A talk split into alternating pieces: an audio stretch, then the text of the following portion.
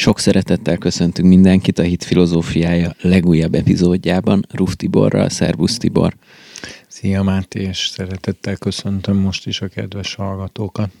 Legutóbb felolvastuk a jelenések könyvének 12. fejezetét végig, illetve a 13. fejezet első mondatát, melyben feljön az a bizonyos szörny a tengerből, de pár dolgot még nem beszéltünk meg a 12. fejezet második feléből, úgyhogy ezeket én most felvetném mindenképpen. Talán egy rövid összefoglalóképp annyit elmondanék, és javíts ki, hogyha valamit rosszul mondok, hogy éppen most történt meg az, hogy hogy egy olyan fajta határozatot hozott a mennyei Sanhedrin, hogy a sátánt ledobják az égből, és ennél fogva háború indult a második égben a sátán ellen, Mihály és angyalai indítottak harcot a kígyó ellen, és ledobták a, a földre, ahol is ugyebár arról van szó, hogy valamiféle hírháború tör ki, most nagyon elnagyolva a dolgokat, és és akkor erre mondja azt az ige, és innen olvasnám tovább, hogy ekkor egy erős hangot hallottam a mennyben, most valósult meg a mi Istenünk szabadítása, ereje, uralma és messiásának hatalma, mert ledobták testvéreink vádlóját, aki vádolta őket, Istenünk előtt éjjel-nappal de ők legyőzték azt a bárány vére és tanúságtételük szavai által, és nem kimélték életüket, mint halálig. Ezért ünnepeljetek egek, és akik laktok bennük, de jaj a föld lakosainak és a tengernek, mert leszállt a rágalmazó hozzátok, és nagyon dühöng, mivel tudja, hogy kevés ideje van. Mikor a tengeri kígyó látta, hogy a földre vettetett, üldözőbe vette a nőt, aki a fiút szülte. Ugye a napba öltözött asszony. De a nő kapott két nagy szárnyat, hogy a sivatagban a helyére repüljön, ahol táplálják egy ideig, időkig és félidőkig, hogy eltűnjön a kígyó szem elől. A kígyó viszont szájából annyi vizet zúdított a nő után, mint egy folyam, hogy elsodorja. De a nő segített, de a föld segített a nőnek, kinyitotta száját a föld, és elnyelte a folyamot, amit a tengeri kígyó lövelt ki szájából. Erre feldühödött a tengeri kígyó a nő miatt, és elment, hogy háborút szítson a többiek ellen, akik a magvából származtak, azok ellen, akik megtartják Isten parancsait, és akiknél a Jézusról, a messiásról szóló tanúságtétel van. És megállt a tenger fövenyén. Ekkor egy vadállatot láttam följönni a tengerből. Most ezt akkor itt lezárom, és szeretnék arra rákérdezni, hogy ugye azt megbeszéltük, hogy ez a bizonyos napba öltözött asszony minden valószínűség szerint Izrael. Igen. És noha a különböző historista, idealista, preterista és mindenféle biblia, illetve jelenések könyve értelmezése szerint, illetve azokat természetesen azokról tudomást véve, de mégis egy új értelmezést adva ennek az egésznek, ami a jövőben fog lejátszódni, azt mondtad, hogy valószínű, hogy itt egy olyan generációról van szó, lehet, hogy ez a 144 ezer, akik felkent emberei Istennek, és uh, kvázi olyan proféta szerűek. És, és, és itt pontosan, ami lejátszódik, hogy, hogy ugye ez a hölgy a helyére kerül, a helyére megy el, és hogy két sas szárnyat kap a pusztába, ezek fogalmam sincs, hogy mit, mit jelentenek. Illetve hogy tud elrejtőzni a kígyó szem elől a pusztában. Ugye a kígyóról még csak annyit szeretnék elmondani, hogy, hogy, megfe- hogy elmondtad, és ezt a hallgatók ban is szeretném felidézni, hogy végre valaki elmagyarázta nekem legalábbis, én ezt most, én ezt korábban még nem hallottam, hogy a sárkány, amiről ugye szó van, a fejek azok, azok hát kvázi országokat vagy birodalmakat jelölnek, a szarvak olyan személyiségeket ezeken a birodalmakon belül, akik ugye uralkodószerűek, és a diadém, ami pedig a hét fejem van, azok pedig egészen ilyen császárságszerű hatalmi jelképek, szimbólumok. De ez még nem az a politikai hatalom, amit itt leír János az egekben, hanem ez még nem is tudjuk, hogy tulajdonképpen mi talán egy terv, ami a sátánnál van, amit, ami majd a vadállatban fog megtestesülni, teljesülni, ezt nem tudjuk, de mégis ez az egész, ez hogyan eszkalálódik ebben a jelenetben? Már most melyikben a... Hát abban, hogy a, hogy a hölgy kap két sas szárnyat, és elrepül a sivatagba, hogy, hogy ez a bizonyos lény, ami szellemi lény, ne találja őt meg. Hogy lehetséges elbújni egy ilyen szellemi lény elől? Hát azért a sátán most nem azt mondom, hogy mindent lát, mert erről is beszélgettünk már, de azért, azért elég sok mindent lát, és főleg, hogyha itt van a Földön, ez, ez nagyon furcsa nekem, hogy és az is furcsa nekem, hogy ha a nő képe Izraelt jelöli, akkor a sátánnak a képe, az tulajdonképpen nem tudjuk, hogy mit jelöl. Ebben az esetben még. Hát de a vádlót, ami atyánk fiainak a vádlóját, igen, csak hogy ő akkor milyen formában nem találja a nőt, és aztán milyen formában zúdítja ki azt a sok vizet a szájából. Tehát mik ezek a... Ez Igen. Nagyon jó lenne, ha elmagyaráznád, hogy mit jelent ez, hát amit nem, olvasunk. Nem hiszem, hogy ezt én teljesen jól el tudom magyarázni, tehát úgy, hogy biztos dolgokat itt nem tudok mondani. Ez majd, ha beteljesedik ez a profécia, akkor lesznek szerintem meglepetések, mint minden profécia beteljesedésnél és igazából csak akkor döbbenünk majd rá, hogy mit is jelentett. Addig lehet elmélkedni rajta, de nem nagyon hiszem, hogy végle, végz, véglegesen és százszázalékos biztonsággal le lehet zárni egy ilyen elmélkedést. Ugye maga, hogy mondjam, a teológiai eljárás az ilyenkor mindig az, hogy akkor először is nézzük meg, hogy mit jelent a Bibliában a sas szárny, kezdve onnan, hogy mi az, hogy sas, minek a szimbóluma a sas, kinek minek van még a Bibliában sas szárnya. Én, ha nem baj, ezt most nem venném mind végig, pár utalást lehet tenni, hogy például a négy kerub ugye négy állatarca van, és azok közül az egyik az a sas királyi állat, az egyértelmű. A babiloni birodalmat Dánielnél szimbolizáló oroszlán, aki kijön a tengerből, ugye szintén a tengerből jön ki, annak két nagy sas szárnya van, tehát ott például szerepel a sas szárny, de ott sincs dekódolva, hogy micsoda, csak találgatni lehet annak az oroszlánnak aztán végül kitépetik a két sas szárnya, ő maga pedig két lábra áll és emberi szívet kap. Ez valamiképp a babiloni birodalom történetét jelzi.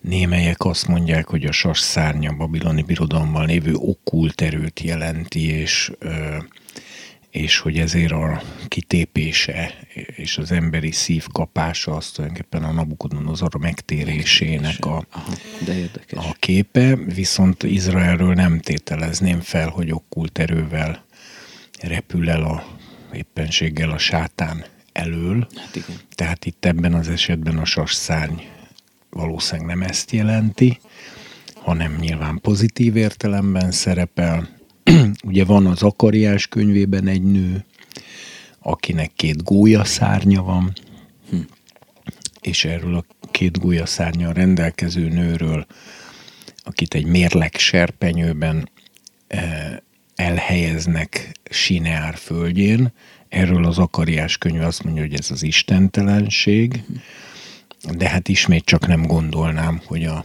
sátán elől menekülő Izrael akinek ráadásul nem is gólya szárnya van, hogy az, az istentelenség lenne.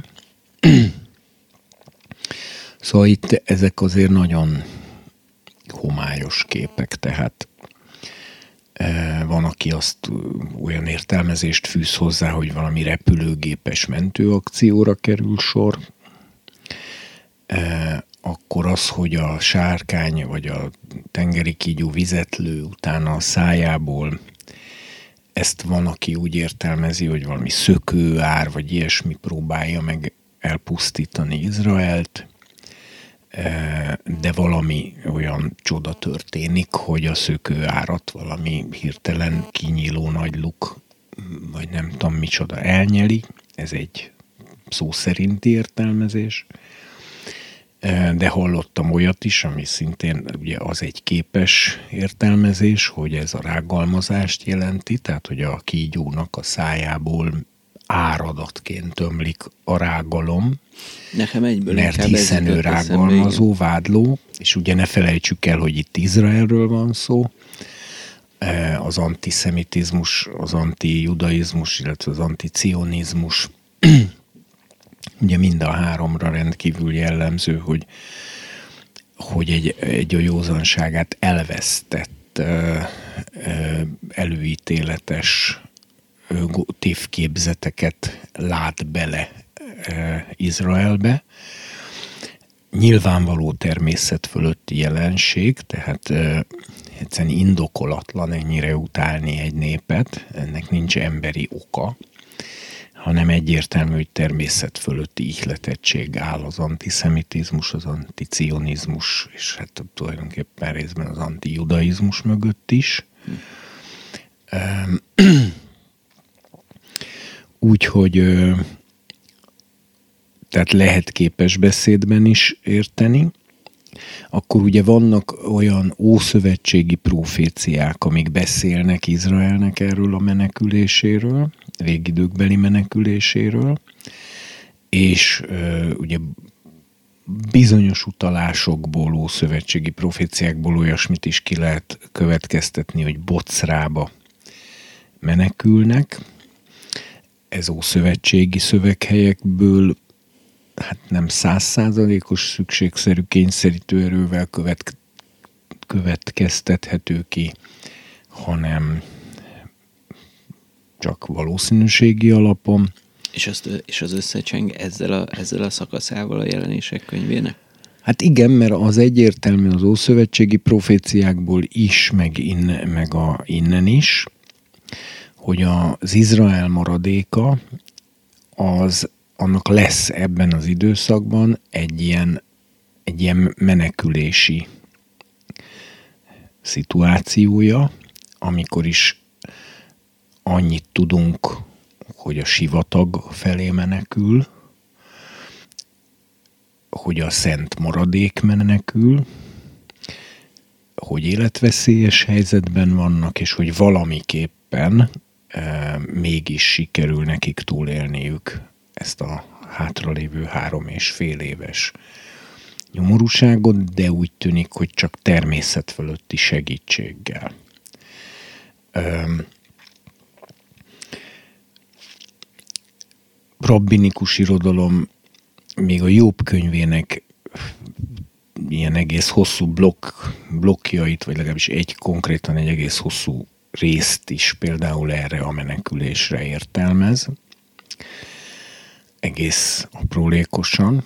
Ez az a rész a jobb könyvében, ahol azokról a nyomorultakról beszél, akiket kikergetnek az emberek közül, és a szakadékokban alszanak, és rekettye gyökér a kenyerük, és hasonlók, az nagyon, nagyon érdekes, hogy azt, azt az egész részt a rabbinikus értelmezés proféciaként Izraelnek erre a végidőkbeli menekülésére vonatkoztatja.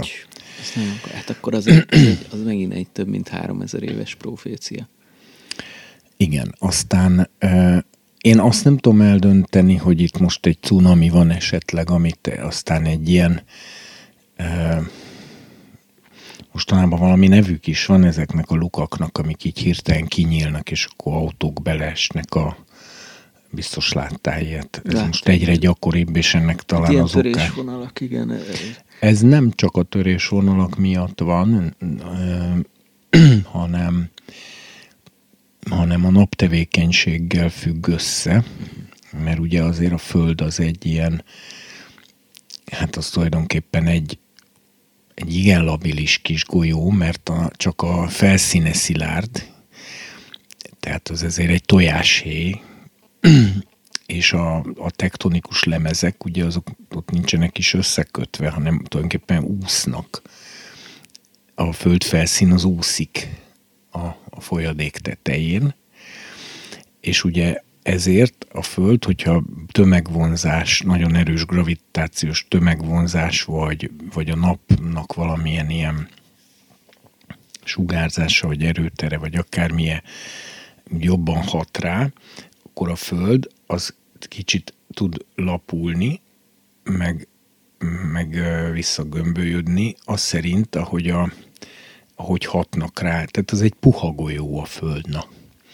na most ugye szemmel nem is látható mértékű kis belapulás, az a földkérekben már rendkívül erős feszültségeket és, és egyebeket kelt, és egyesek szerint az utóbbi időben azért vált gyakorivá az, hogy helyenként így egyszerűen kinyílik a föld, és ö, ilyen hatalmas luk keletkezik, teljesen váratlanul úgy, hogy házak esnek bele, meg, meg autók, meg, meg ilyenek.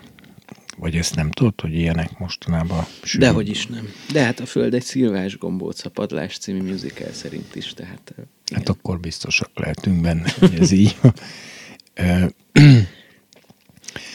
szóval, hogy például kinyílik egy ilyen luk, és elnyel egy cunamit, tehát akkor ez egy szó szerint értelmezés. Én kedvelem a szó szerint értelmezéseket, mivel hogy Jézus életében látszik, hogy azért a proféciák 98, nem tudom hány tized százalékát, amit beidéz a, az új szövetség, azokat szó szerint értelmezi. Igen, csak azt mégis nagyon fura látni, hogyha, hogyha van egy kép, ami ábrázol egy szellemi lényt, nevezetesen esetünkben a sátánt, és annak a képnek a szájából kijön egy víz, amit már viszont földi értelemben is szó szerint kell értelmezni, e, ez, ez azért eléggé fura.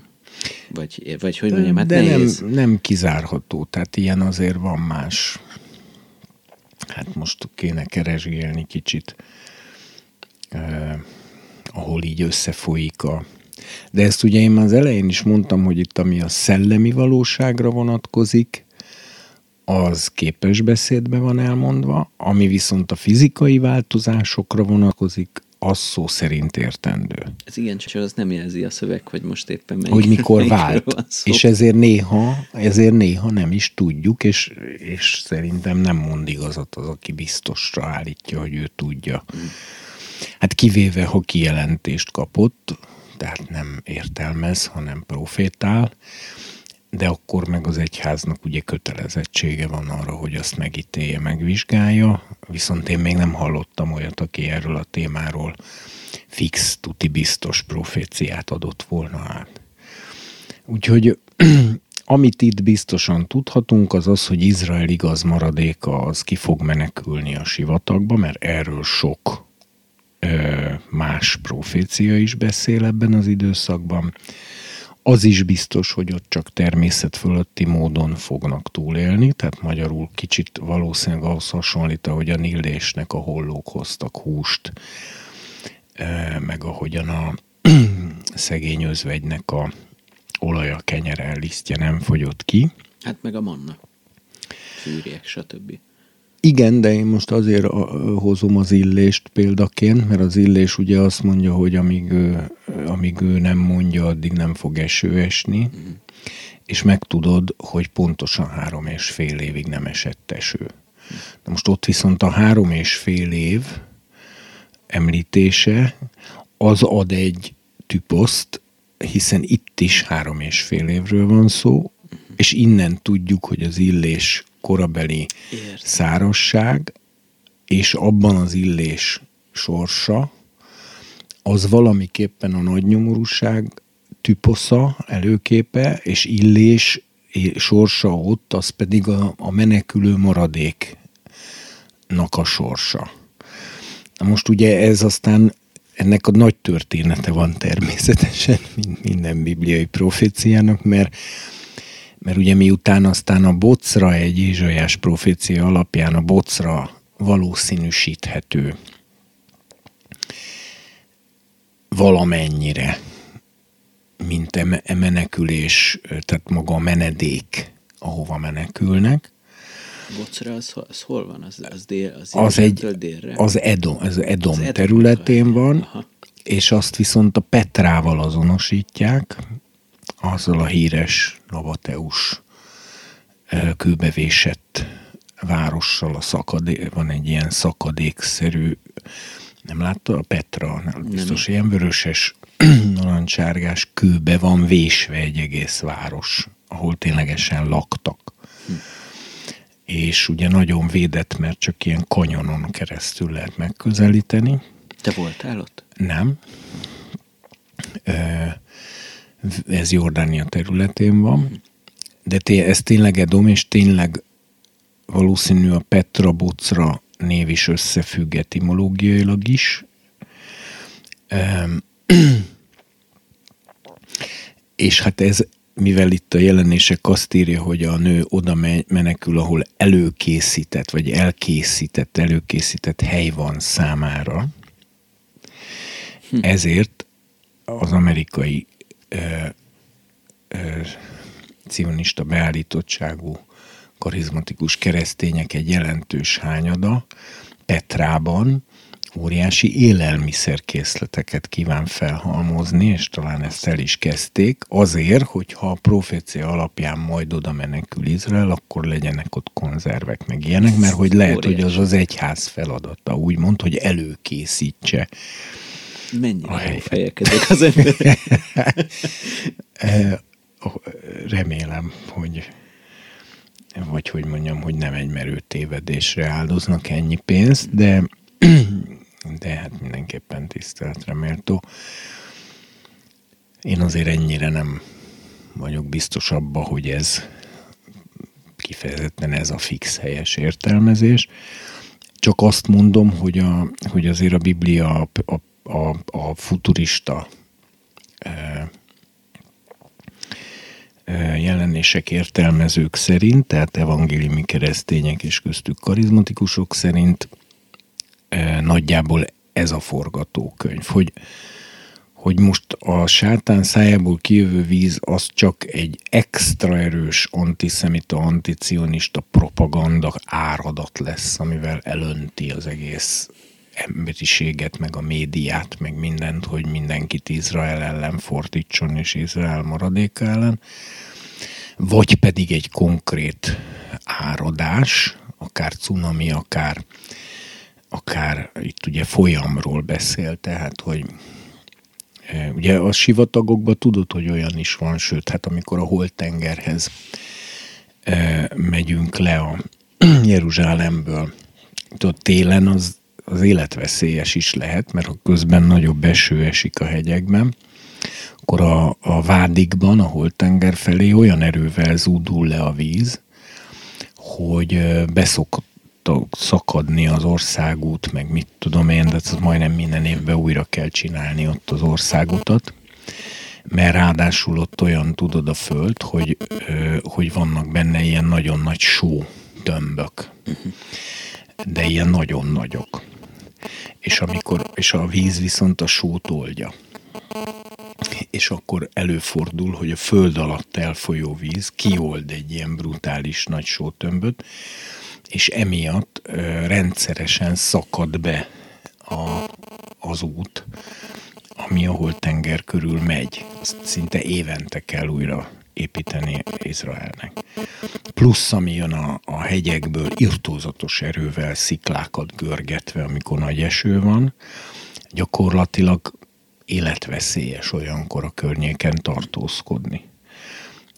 Tehát ugye ez is azért érdekes, mert ott van ilyen tapasztalat, a pont abban a térségben. Ugye Jézus azt mondja, hogy akik Judeában lesznek, mikor látják, hogy a pusztító utálatosság ott áll, ahol nem kéne, fussanak a hegyekbe, akik Júdeában lesznek, tehát egy ugyanolyan típusú menekülés zajlik, mint 70-ben, amikor a rómaiak elfoglalták Jeruzsálemet, és az akkori zsidóság is egyébként, mivel azt hitte, hogy ez a nagy nyomorúság, ezért, ezért ők is ezeket az igéket, már nem a jelenéseket, hanem az ószövetségi proféciákat magukra értelmezték, és ugye a, a, az egész, hogy a judeai barlangokba rejtették el ott a templomi tárgyakat, meg a iratokat, meg mit tudom én, és akkor végül is az elótáknak egy maroknyi csoportja pont, körülbelül pont három és fél évig tartott ki a Maszada erődben, ami szintén ugye ott van, ezt akkor sokan ennek a proféciának a beteljesedésének tekintették, csak aztán mivel a három és fél év letelte után a messiás nem jelent meg, és kiderült, hogy ez egy eszkatológiai csalódás volt, tehát egy, egy tehát megint idő előtt számítottak a dologra, ezért ezért aztán ugye a maszodaiak reménysége legalábbis ott és akkor fölfüggesztődött, és hosszú időre prolongálódott.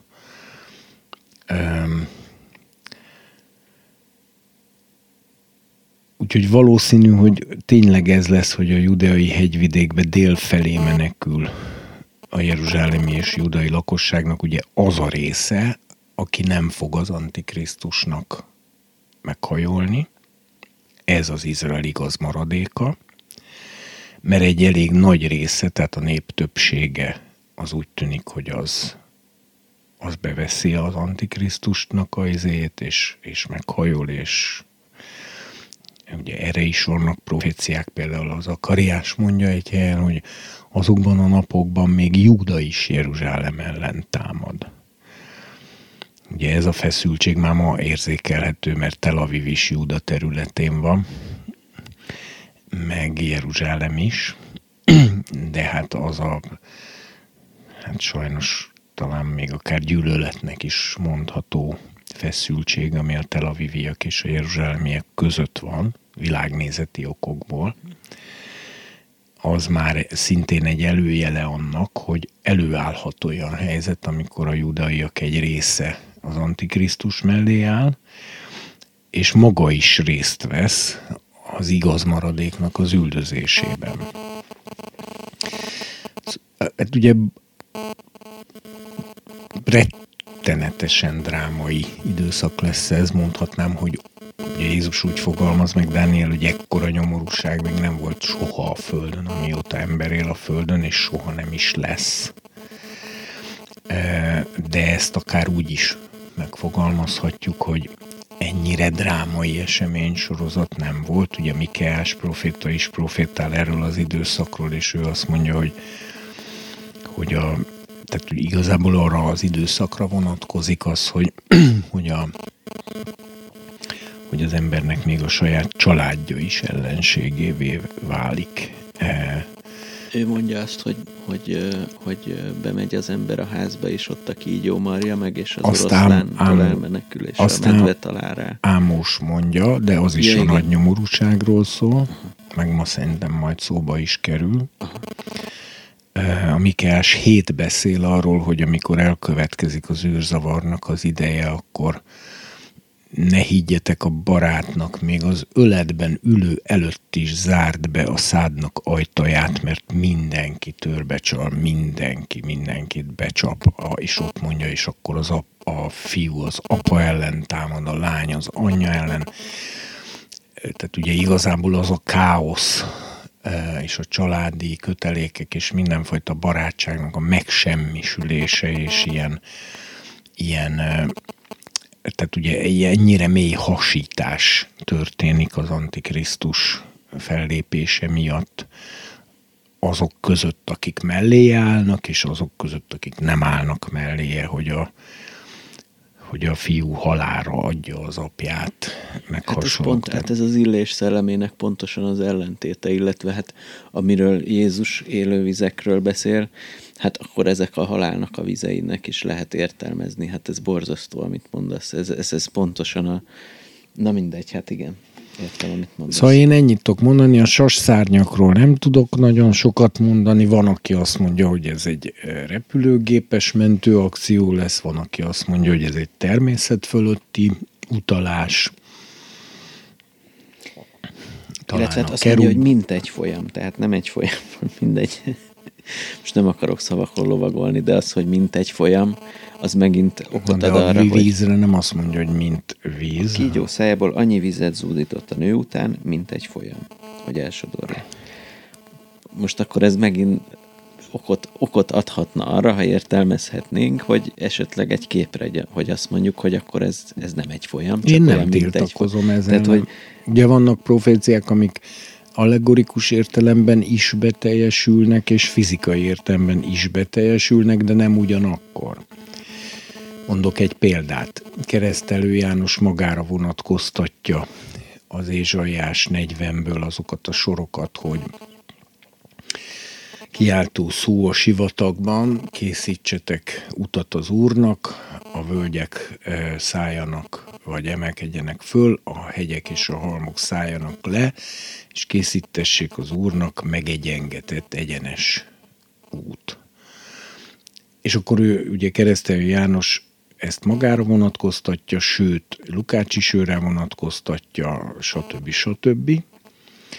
E, és egészen odáig szó szerint kell venni, ami, ahogy ő is szó szerint vette, amikor kérdezték, hogy ki vagy te, azt mondta, hogy én vagyok a kiáltó szó a puszt a sivatagban, amint megmondotta Ézsajás proféta. Ezt szó szerint kell venni, hiszen ő hangosan beszélve, tehát kiáltva prédikált és profétált, és hol tette ezt? A sivatagban. Tehát szó szerint beteljesedett. Viszont a profécia következő sora, hogy a völgyek fölemelkednek, a halmok alászállnak, és az Úrnak egyenes út készítessék, az csak spirituális értelemben értelmezhető a keresztelő János szolgálatára, szó szerint nem, hiszen nem rendelkezett annyi úthengerrel és földgyalúval, amivel a judeai hegyvidéket sivata, vagy egyenes síksággá gyalulta volna le. Viszont a messiás visszajövetele előtt ez szó szerint meg fog történni. Akkor viszont szó szerint megtörténik, hogy lapájá változik a föld Jeruzsálemtől egészen a holt tengerig, tehát magyarul hm mert ugye ma is rendkívül idegesítő és rendkívül nehézé tette a Jeruzsálembe való aliá ezeket a évi háromszori fölmeneteleket, ugye eredetileg ezt hívták aliának. Föl, de, föl, de ez mit jelent, hogy alia? Az a fölmenetel? Uh-huh. De érdekes. És eredetileg azt hívták aliának, amikor évente háromszor fölmentek Jeruzsálembe. Most ha te megpróbálnál gyalog vagy szamáron fölmenni mondjuk Jerikóból Jeruzsálembe, amit hát Jézus nem egyszer, nem kétszer megtett, akkor ugye, mivel, mivel ott egy mélyföldön vagy mínusz két-háromszáz méteren, Jeruzsálem meg plusz 400 nem tudom méteren, ott egy kilométeres szintemelkedést kell lenyomnod, de ráadásul úgy, hogy, a, hogy nem tudsz egyenletesen emelkedve haladni fölfelé a Judeai hegységben, a, a Jordán völgyből, vagy a Holtengertől, hanem fölmész egy hegytetőre, lemész egy völgybe, újra fölmész egy hegytetőre, újra lemész egy völgybe, újra fölmész hegytetőre, újra lemész völgybe. Tehát magyarul, amíg az autópályát ott nem építették meg, addig oda fölmenni, az, az egy kegyetlen utazásról. Ezt, ezt egyszer csináljuk meg. Én, én nagyon és ezt, ugye, ezt egyszer menjünk el és csináljuk meg. Én, én nagyon örülnék neki. Én meg nem biztos, hogy kibírnám. Na most, hogy a, hogy a mert mindez melegbe, meg hát igen. Mália Dumim, ugye ez a, a ott az egyik résznek a neve már a Bibliába is, ennek a szakasznak, az, vagy ennek a résznek az egyik szakasza. E, azt már ugye már Józsué könyve is úgy, egy, úgy nevezi, hogy Máliádumim, és ma is ez van kiírva az autópálya fölött, e, ha megnézed, úgy nyíl arra Máliádumim, a skorpiók hágója, tehát mindez egy sivatagi, ilyen vádikkal, ezekkel a ideiglenes folyóvöl, kiszáradt folyóvölgyekkel teli ilyen Hát volt is, nem tudom, még úgy van de régen a Jeruzsálemi minden busz megállóban, mert ugye maga Jeruzsálem is ilyen, e, e, hogy ott is e, szépen néz ki a térképről, hogy most átmegyünk az óvárosba, és milyen közel van, de, de nem mindegy, hogy honnan, mert, mert van olyan, ahol közben két hegyet kell megmásznod, meg két völgy beleereszkedned és ezért a busz megállókban volt egy ilyen felirat, hogy we go up, we go down, we are in Jerusalem, vagy valami ilyesmi volt a, volt a szlogen, hogy Jeruzsálembe vagy fölfelé megyünk, vagy lefelé, de véletlenül sem megyünk sose vízszintese. De ez, ez gyönyörű szimbólum, és rengeteg mindenre tud az ember ebből asszociálni. Nagyon-nagyon szép dolog. Na és akkor itt látszik nagyon jól, hogy például János idejében ennek a proféciának az a első tagmondata szó szerint fizikailag valóságosan beteljesedett, mert egy ténylegesen egy szó kiabált a sivatagban, és tényleg a sivatagban, de a második szakasza csak allegorikus értelemben teljesedett be azzal, hogy a János egy ilyen spirituális úthengerként kicsit így leegyengedte eh, az egész Izraelnek az erkölcsi szellemi állapotát azért, hogy mire a messiás megjön, addigra, addigra egy, tehát olyan szíveket találjon, akik, mert hát ugye a János szolgálata alatt őszintén megtértek az emberek, és őszint a törvényhez, és őszintén megkeresztelkedtek erre a megtérésükre, itt semmi okunk feltételezni, hogy ez képmutatás lett volna, tehát itt már lezajlik egy hatalmas megtérési ébredés, és arra érkezik meg Jézus, hogy a vastagjával ne neki kelljen foglalkozni. Tehát, hogy ne neki kelljen meggyőzni az embereket arról, hogy a, hogy a házasságtörés az bűn. Mert, mert ugye nem szolgálhatta egyszerre a törvényt, meg egyszerre az új szövetséget. És ezért a János, aki még a törvényhez tartozik, az Ószövetséghez, ő ezt így szellemileg elegyengette egy nagy megtérésre hívással,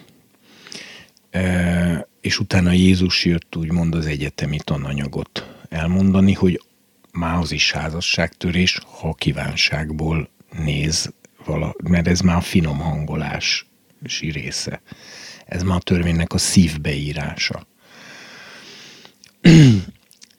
Viszont a messiás második eljövetel előtt pedig egyértelmű a proféciákból, hogy szó szerint is megvalósul az, hogy ledózerolja Isten ezt a térséget. És egyen, egyenessé teszi, síksággá teszi. Úgyhogy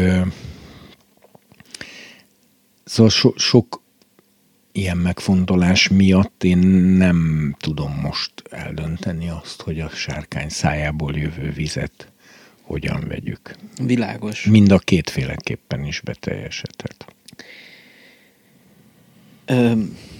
Ugye ezután következik a, a, az újabb jelentős rejtély, hogy ö, ugye emiatt, hogy a, hogy a Föld megakadályozza ezt az eseményt, ö, mármint hogy elsodorja ez az áradat a, a kiválasztottakat, feldühödik, és elmegy, hogy háborút szítson a többiek ellen, akik a magvából származtak. Mármint a nő magvából. I- igen, igen. Tehát gondolom itt akkor a zsidókról van szó, vagy kérdezem, azok ellen, akik megtartják Isten parancsait, igen, és akiknél a Jézusról, a messiásról szóló tanúságtétel van. Itt ez két külön csoport Na, is hát lehet. Igen. Sőt, valószínűleg jelen pillanatban ez itt még két külön csoport, és pont talán ezért mondja, hogy mind a kettő a nő magvából van, de az egyik az a törvényhű zsidóságot jelenti, ez az, a, akik megtartják az Isten parancsait, uh-huh. a másik csoport pedig az, akiknél a Jézusról szóló tanúságtétel van, ez meg úgy tűnik, hogy a még akkor itt levő keresztényekre, vagy hát keresztényekre vonatkozik, még ha esetleg szervezett egyház nem is létezik már, de Jézusnak a tanúságtevői azok vannak. Tehát itt is megint érdekes kérdés, hogy ez egy azon csoportra vonatkozik, vagy pedig vehetjük úgy is, hogy ez az Izrael igaz maradéka az egyik oldalon, és a kereszténység úgymond szintén igaz maradéka a másik oldalon. De mind a kettő a nő magva, hiszen mind a keresztények is Ábrahám magva, meg hát Izrael magva ilyen értelemben. És ugye az, a nő magva, az pedig önmagában is visszautal az édenkerti jelenetre, ahol a kígyónak azt mondja, hogy, a, hogy ellenségeskedést vetek a te magod közé és az asszony magva közé, az neked fejedre tapos, te pedig annak sarkát martusod, de erről már múltkor beszéltünk, csak fölhívom a figyelmet, hogy itt pusztán azzal, hogy úgy fogalmaz, hogy az asszony magva, magvából származók ellen indul harcra a kígyó, ez szintén megint egy utalás az édenkerti eseményre, és aztán azonosítja, hogy a nő magva, az pedig egyrészt az Isten parancsainak a megtartói, másrészt pedig akiknél a Jézusról szóló tanúságtétel van. Tehát van, vannak, a, akkor most csak, hogy a csoportokat tisztázzuk, akkor vannak, van az asszonynak az a maga, akik a sivatagban elrejtőznek, és akiket nem talál meg a sátán.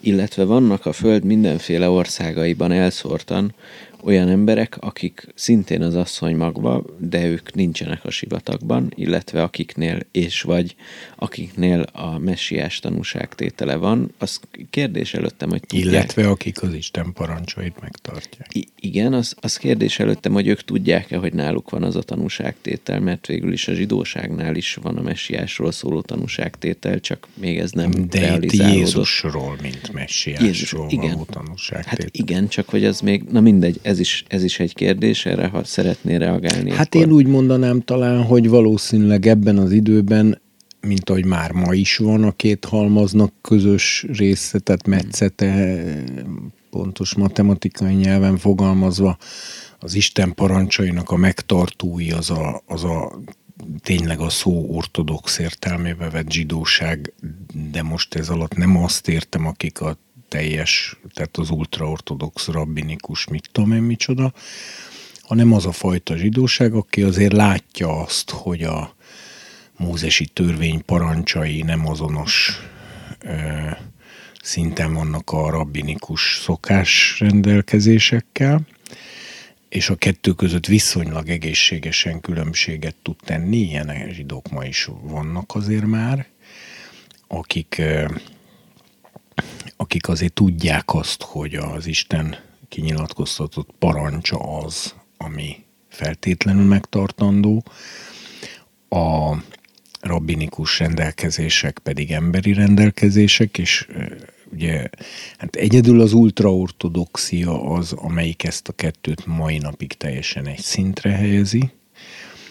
Ők tulajdonképpen a farizeizmusnak a mai örökösei de már például a telepes ortodoxok, e, akik ugye az egy egész más csapat, azok nem ultraortodoxok, de ortodoxok, tehát a horgolt, nagy, nagy horgolt kipás e, farmer gatya, de azért imarojt, és esetleg egy, egy csinos kis géppisztoly a hátán, tehát ugye körülbelül ez a telepes, telepes ortod, de, de, és hosszú pajez, de, a, de közben nincsen kaftán meg ilyenek.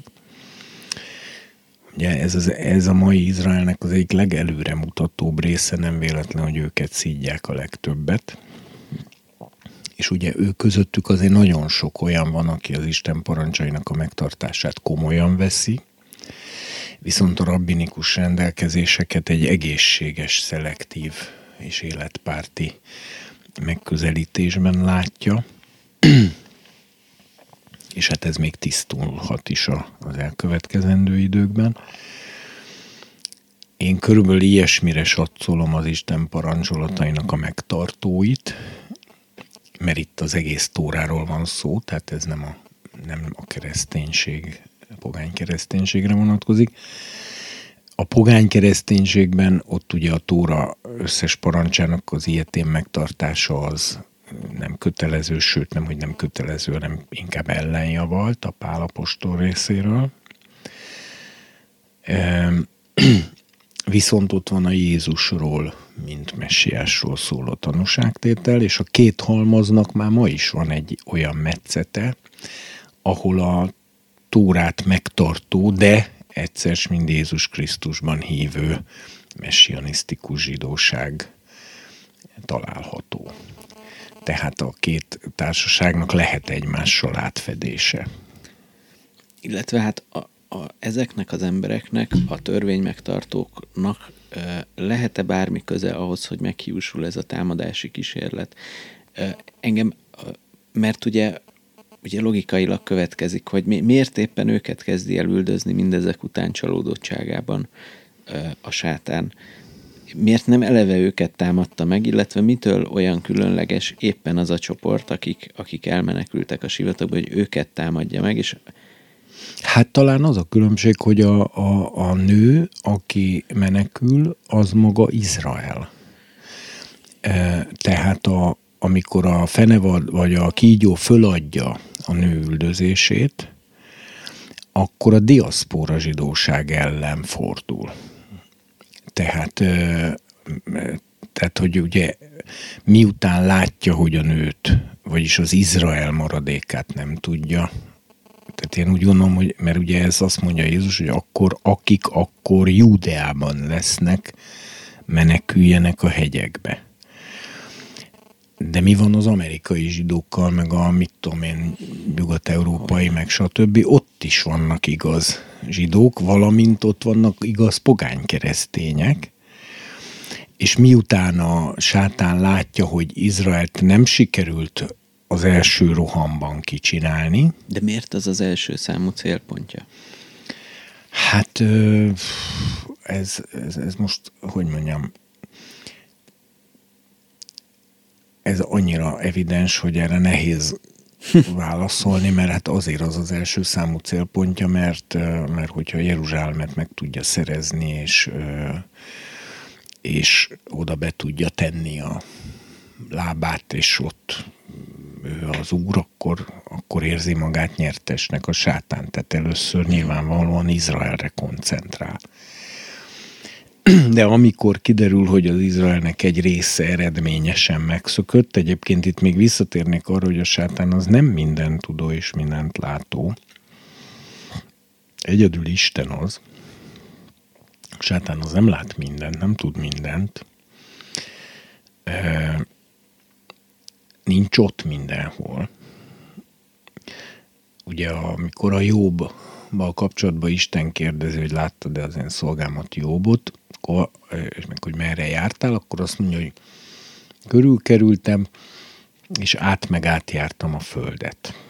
Vagyis ez azt jelenti, hogy a sántán az nincs mindenhol egyszerre ott. Még akkor se, amikor a földre vettetik.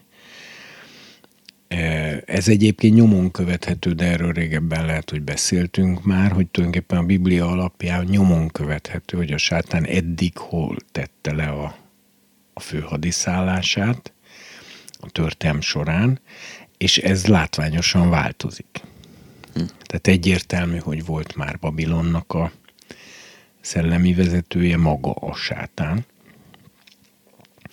Egyértelmű, hogy volt már Tírusnak a szellemi vezetője maga a sátán. Egyértelmű, hogy Pergamonban szintén egy ideig mert ugye ezt pont a jelenések mondja, hogy ott, ott ahol a sátán lakik, tehát akkoriban ott lakott. Aztán, hogyha most megnézzük, hogy Babilonnak, Tírusnak, meg azoknak a helyeknek, amikről a Biblia már kimondta azt, hogy a sátán ott már lakott, hogy mit ír arról, hogy milyen az, amikor a sátán ott lakik valahol, ugye látványos fellendülése a pénzügyi szférának. Ugye Tirusnál ezt nagyon ki is részletezi. De ezzel egyidejűleg megjelenik az, hogy egyes emberek, vagy, vagy egy ember, vagy egyes emberek Istennek kezdik képzelni magukat. Ez a másik tünet ha megnézed az Ezékielnek a Tiruszról szóló profécia sorozatát, meg az Ézsajásnál a Babiloni, meg megnézed ezeknek a történelmét, meg megnézed Pergamont, akkor utána már lehet extrapolálni, hogy aztán később a történelemben hol tűntek még föl azok a tünetek egyidejűleg, hogy politikai és gazdasági centrum má válik, világcentrummá a hely, és közben a, Anna, a vezető rétegben megjelenik az az eszme, hogy ők, vagy legalábbis közülük egy valaki, az egy megtestesült istenség. Vagy a megtestesült istenség. Úgyhogy hát sokan tippelnek arra, hogy Pergamon után a következő ilyen bázis az Róma lett. Ugye hát aztán főleg a luterék ezt gazdagon ki is fejtették, és hát van is benne valami.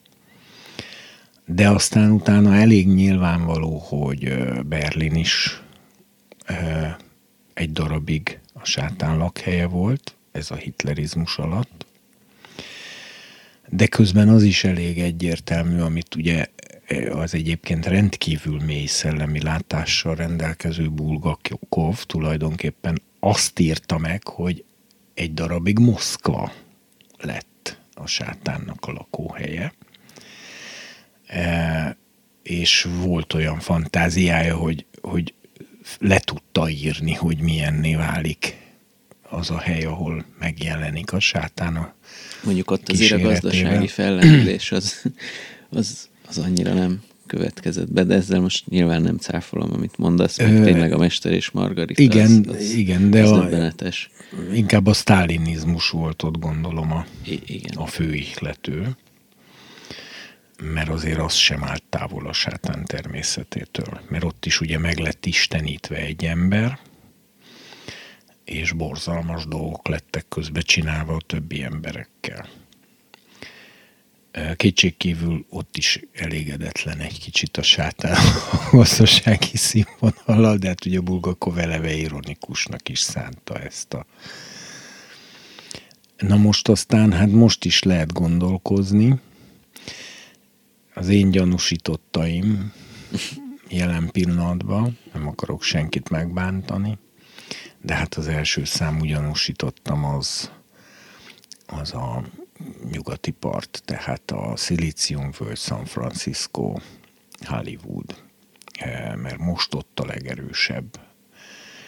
De ugye New Yorkot is lehet gyanúba keverni, eh, kicsit talán most kevésbé centrális pont. Úgyhogy, és aztán ki tudja még, mi következik, mert bármikor választhat a sátán újabb bázist, Hát azért ilyen alapon a kínai, kínai dolgok is gyanúsak lehetnek, tehát gazdasági fellendülés, totális kontroll, egy személyi vezetés, hát most ez akár, akár több, több is lehet, tehát amiről beszéltél, de majd akkor most felolvasom a vadállatot, vagy akartál még valamit? És a... Nem, ezt csak arra mondom, hogy, a sá... tehát, hogy, val... hogy így is értelmezhető az, hogy a sátán azt mondja, hogy körülkerültem és át meg átjártam a földet, hogy ő nincs mindenhol mindig ott. E, és nem lát bele mindenbe, és nem tud mindent azért. Tehát el lehet tűnni a szem elől, hogyha Isten valakit el akar tüntetni a szem elől. Igazából az is, az is egy nagy kérdés, hogy miért, e, hogy, tehát ugye amíg még Izraelt igyekszik megsemmisíteni, addig nem testesül meg ennek a szörnyű birodalomnak a képében, addig nem látja szükségét, vagy addig ez nem, nem valósul meg valamiért, és valamiért ez az a pont, ahol talán, hogy a diaszpora zsidóságot már csak így lehet megsemmisíteni, vagy nem tudom, hogy miért, ez is egy kérdés, hogy miért van az, hogy ez hoz ki belőle egy, egy olyan fajta megtestesülést, ami, ami ugye itt a vadállatképűben létrejön, de nem tudom, hogy erre azután szeretnél válaszolni, egyáltalán szeretnél válaszolni, miután felolvastam ezt a szakaszt, vagy, vagy akár már most rögtön. Szerintem felolvashatod, akkor rögzítsük azt a pillanatot, hogy tehát most ott tartunk, hogy a frusztrált és rendkívül feldühödött kígyó, aki maga a sátán, mint szellemi lény, ezt egyértelműen közli a jelenések, tehát ez nem találgatás, a fölötti frusztrációjában, hogy az Izraelt nem sikerült első lépésben, vagy első rohammal elpusztítani. Ráadásul az Izrael maradéka Katernak el is vesztette a nyomát, hogy úgy mondjam, tehát elrejtette Isten. Ezért most, tehát a magvából származók azaz az Isten parancsainak megtartói és a Jézusban, mint messiásban hívők ellen fordul, és ennek során ugye az az utolsó mondatunk ott, hogy és kiállt a tenger fövenyére. Homokjára. Igen. És ekkor a tengerből Egy vadállatot láttam feljönni a tengerből, amelynek hét feje és tíz szarva van, vagyis ugyanúgy, mint a kígyónak. szarvain tíz diadém, fejeim pedig egy káromló név. A vadállat, amit láttam, a párduchoz hasonlított, de lábai olyanok, mint a medvéé, szája pedig, mint az oroszlán szája. A tengeri kígyó átadta neki erejét és trónját, valamint nagy hatalmat. Láttam, hogy az egyik feje halálosan megsebesült, de begyógyult halálos sérülése. Jó, szerintem most még itt álljunk meg, és Micsoda? először akkor csak a, az Jó, állat. csak, csak ezt a és az egész föld csodálva követte a vadállatot. Igen. Na nézzük meg akkor az ószövetségi áthallásokat. Nem felejtve azt a kérdést, amit föltettem, hogy miért csak most születik meg ez a bizonyos vadállat, miért nem már Izraelt is ez a vadállat üldözte. De erre nem biztos, hogy én tudok válaszolni. Jó, de most nyugodtan mondd el, és akkor ezt az ószövetségi ügyet, csak ezt most fölírtuk ezt a kérdést, Jó, hát ha egyszer hát csak ha. kijelentést kapunk róla, és megtudhatjuk. Úgy legyen.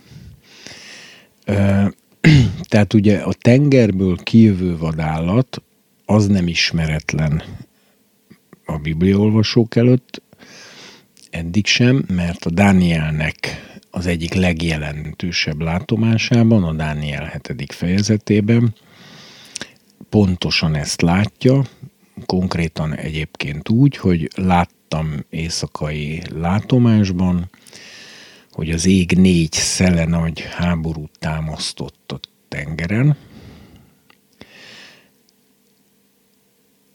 Ez ugye önmagában érdekes, mert ha egyszerre négy irányból fúj a szél, vagy hogy mondjam, tehát akkor nagyon nagy káosz van. Tornádók keletkeznek, és hullámok akkor nem egy irányba mennek, hanem össze-vissza, tehát, tehát magyarul itt nagyon nagy zűrzavar van, és láttam, mondja Dániel, ugye ebből a viharzó tengerből négy vadállatot feljönni.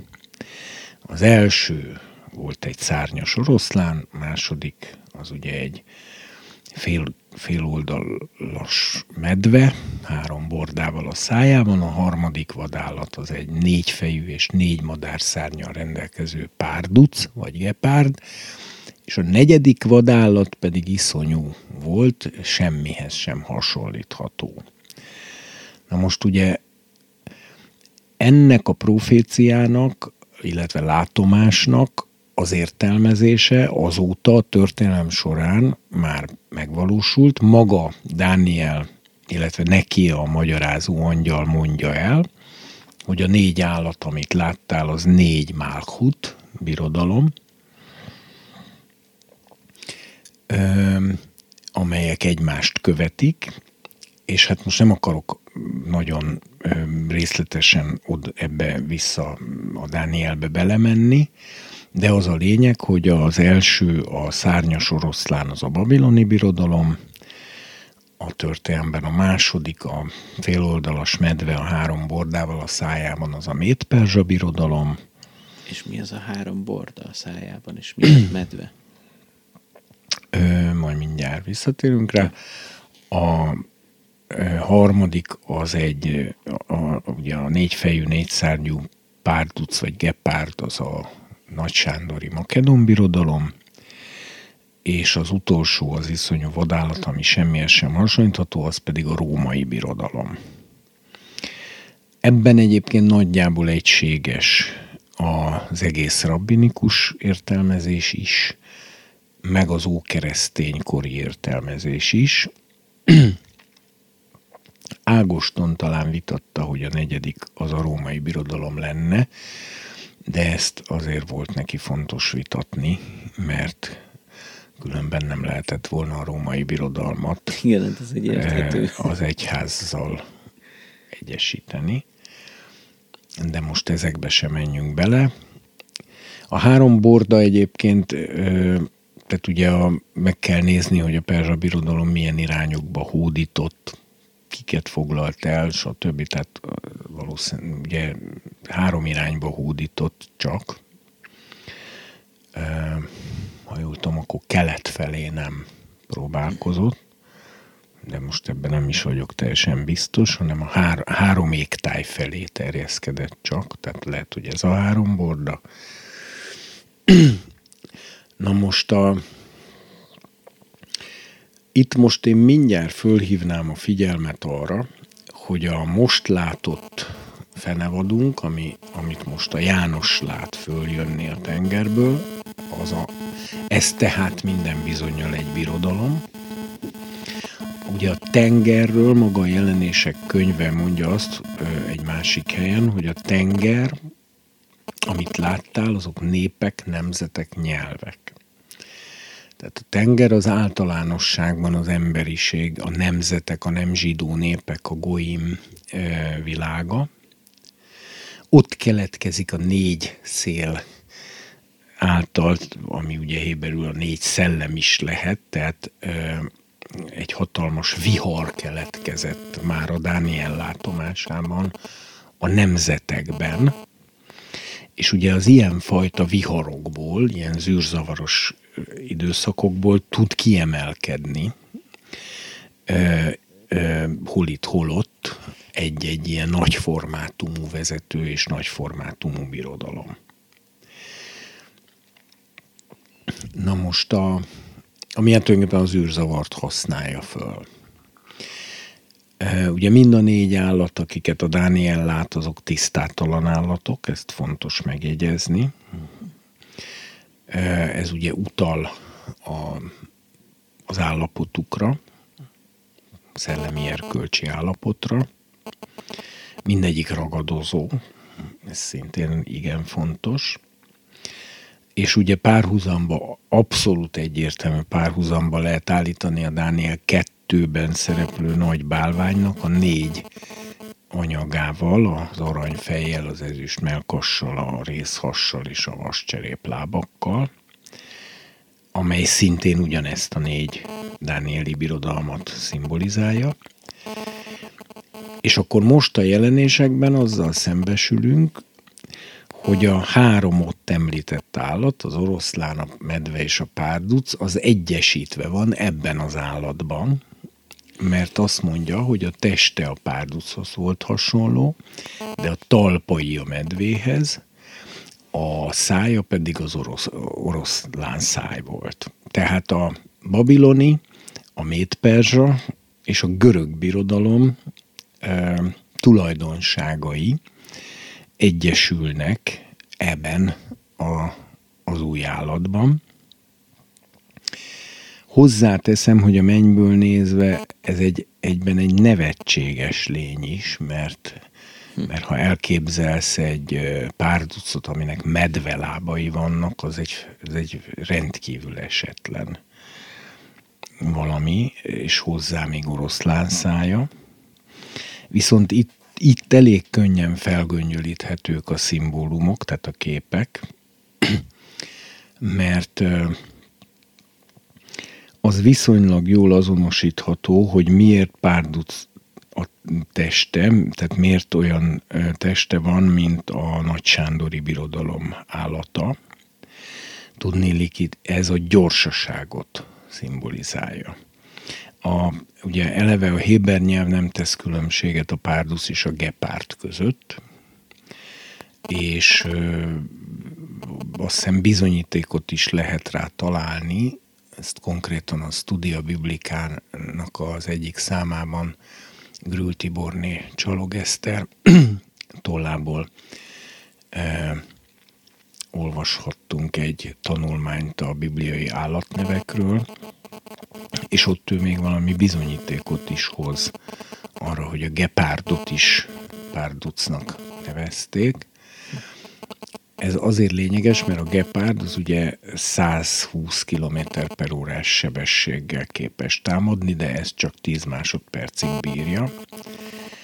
De egyébként a párduc is rendkívül gyors. A Jeremiásnál van egy olyan mondat, hogy olyan népet hozok rád, amelynek lovai gyorsabbak a párducoknál, Na most az a helyzet, hogy egy, egy át, átlagos párducnál minden ló gyorsabb, e, de a gepárdnál nem. Tehát ez is arra utal, hogy ez inkább gepárdot jelent.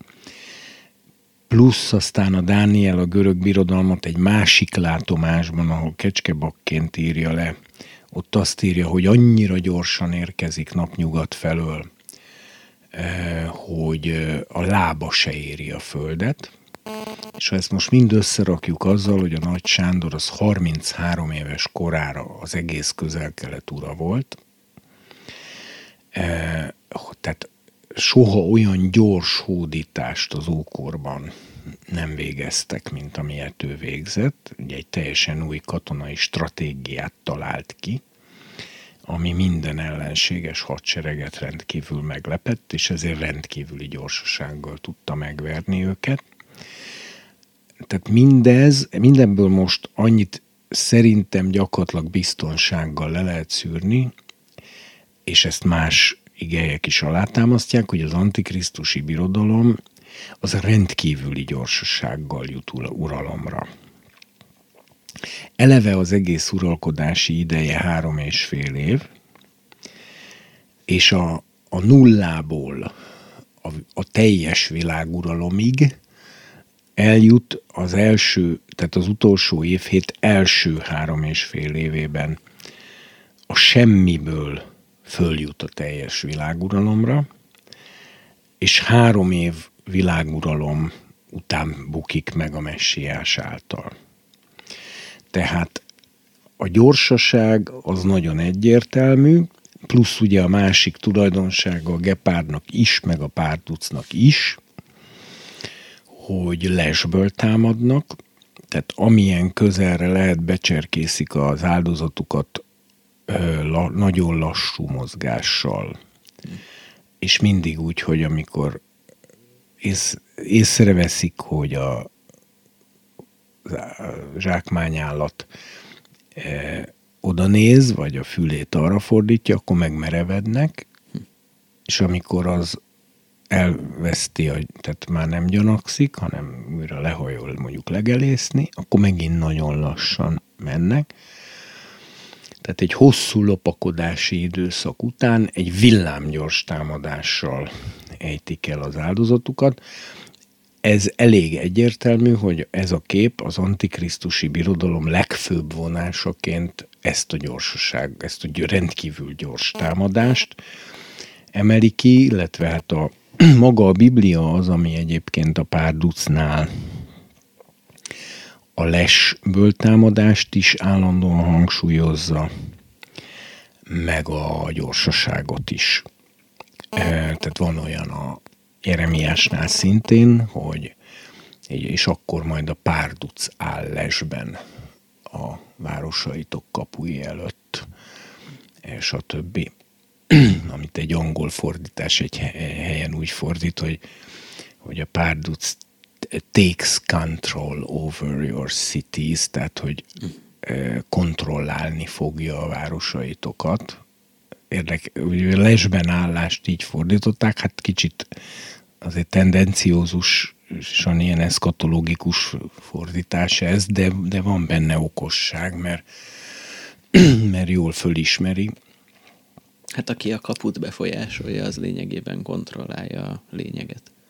Igen.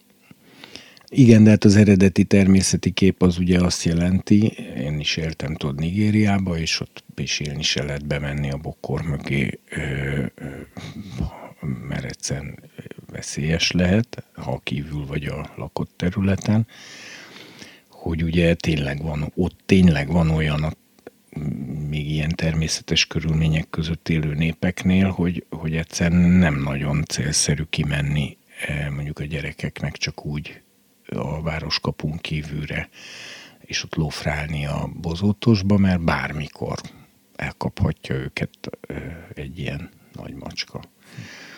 Úgyhogy ugye azért mennek mindig úgy vízér a gyerekek, hogy a műanyag kannákat verik ilyen botokkal, és többen mennek, és akkor ugye fantasztikus dobkoncertek tanulja lehet az ember, amikor a gyerekek énekelve, táncolva és kannákat botokkal verve mennek vízért, de valójában ez, a, ez az egyébként vidám esemény, ez valójában a vadállatok miatt van. És ilyenben te is, te is voltál ilyen doboló? Nem. De az iskolában én is énekelhettem a többiekkel együtt. Minden reggel dobolás volt, éneklés és tánc minden reggel. Így indult? Minden reggel. Zsoltárokat énekeltünk, mint ezt később felnőtt fejjel megtudhattam, tehát dicséretek éneklése volt, de úgy, hogy mindenki dobolt, énekelt, táncolt. Na mindegy, illetve nem mindegy, mert ez jó dolog, de, de visszatérnék oda, hogy tehát a fő jellemzője a fenevad tehát itt a vadállatképnek, és erre, ez, ez, erre nagyon föl kell hívni a figyelmet, hogy hogy az antikrisztusi birodalom az hihetetlen gyorsasággal jut el a világuralomig a feltűnésétől kezdve.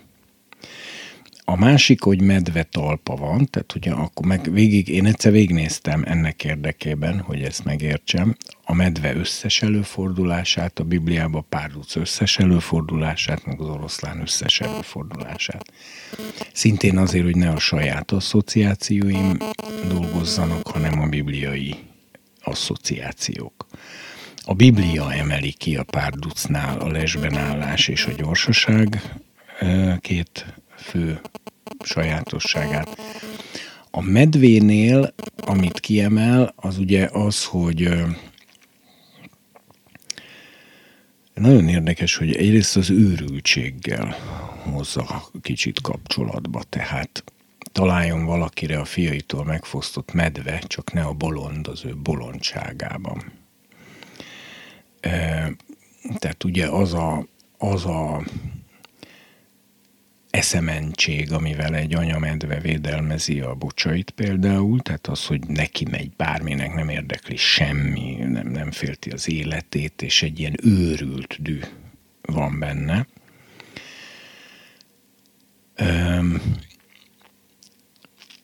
Ez az egyik, amit nagyon kiemel a, az ige. Hát nyilvánvaló ugye természetes szinten is, hogy a medve az a, a mancsával nyilván a szájával is, de elsősorban a, a mancsával harcolt, tehát például képes egy, egy tehénnek a gerincét egyetlen ütéssel eltörni a, a mancsával. Ugye Amerikában a Yellowstone Parknál volt botrány, hogy benhagytak valami szendvicseket a kocsikba, és mire visszaértek addigra a medvék, fölnyitották a kocsi tetejét mancsal úgy, mint a konzervdobozt, ahogy fölnyitják, tehát így föl voltak pöndörítve, föl voltak hajlítva a kocsiknak a teteje, és egyszerűen tehát fölvágták a fémet a mancsukkal, és fölnyitották, hogy a szendvicsekhez hozzájussanak. Nagyon intelligens állat, amit most a napokban beszélgettem egy, egy vad, vad erdészmérnökkel, egy fiatal sráccal, aki pont most volt Erdélyben, és, és több ilyen medvés élményét is elmesélte, és elmondta, hogy ott most borzasztó, hogy fel fog nőni egy olyan medve generáció, akik már nem félnek a városokba bemenni, és hogy, és hogy találkoztak egy ilyen medvével egy lesen, és el akarták őt csalni valamivel, és simán átlátott a szitán. Nem tudták átverni azt a medvét, és csomó ideig ott kellett maradniuk. Hát erről a Fodorsanyék tudnának sokat mesélni, mert ott még a táborba is voltak medve kalandok.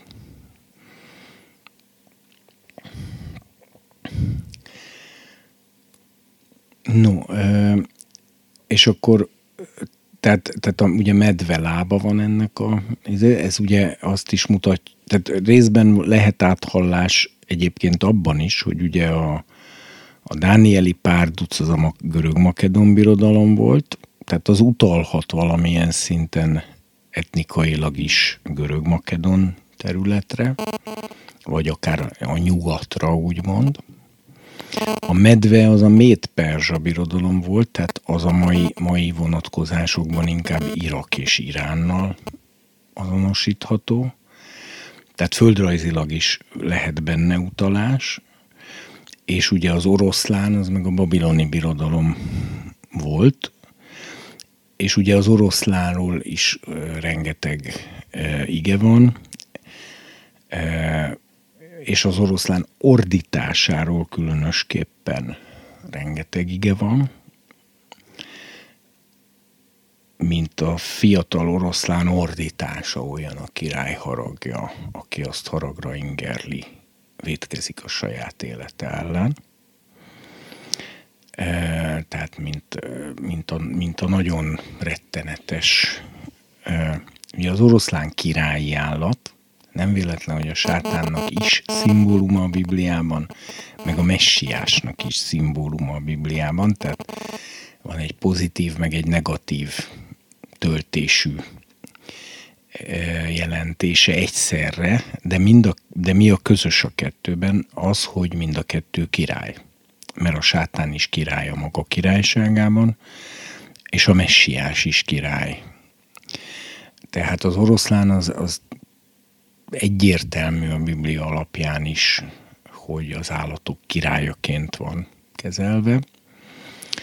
És ugye ez valójában egy párduc, de mégis a szája olyan, mint az oroszlán szája, tehát ugye ez azt jelenti, hogy egyrészt az ordítása, a kommunikációja az rendkívül félelmetes, rendkívül megfélemlítő erejű, és másrészt pedig valószínűleg a ragadozási képessége, tehát a, e, a, mert az oroszlán nem csak ordít nyilván, hanem azért harapni is tud. Tehát a ragadozási képessége is. Úgyhogy szépen kirajzolódik tulajdonképpen az antikrisztusi birodalomnak az alapkaraktere, az alapsajátosságai.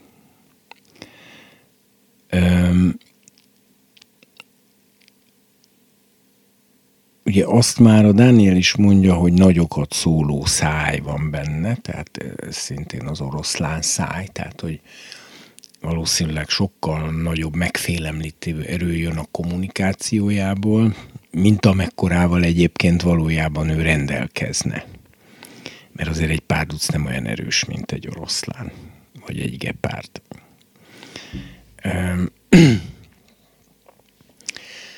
Ugye az is nagyon érdekes, hogy a, há, hogy a négy Dánieli birodalomból a hármat így összeolvaszt, és ez esetleg jelenthet területi, területi vonatkozást is, tehát hogy valahogy az Irak-Irán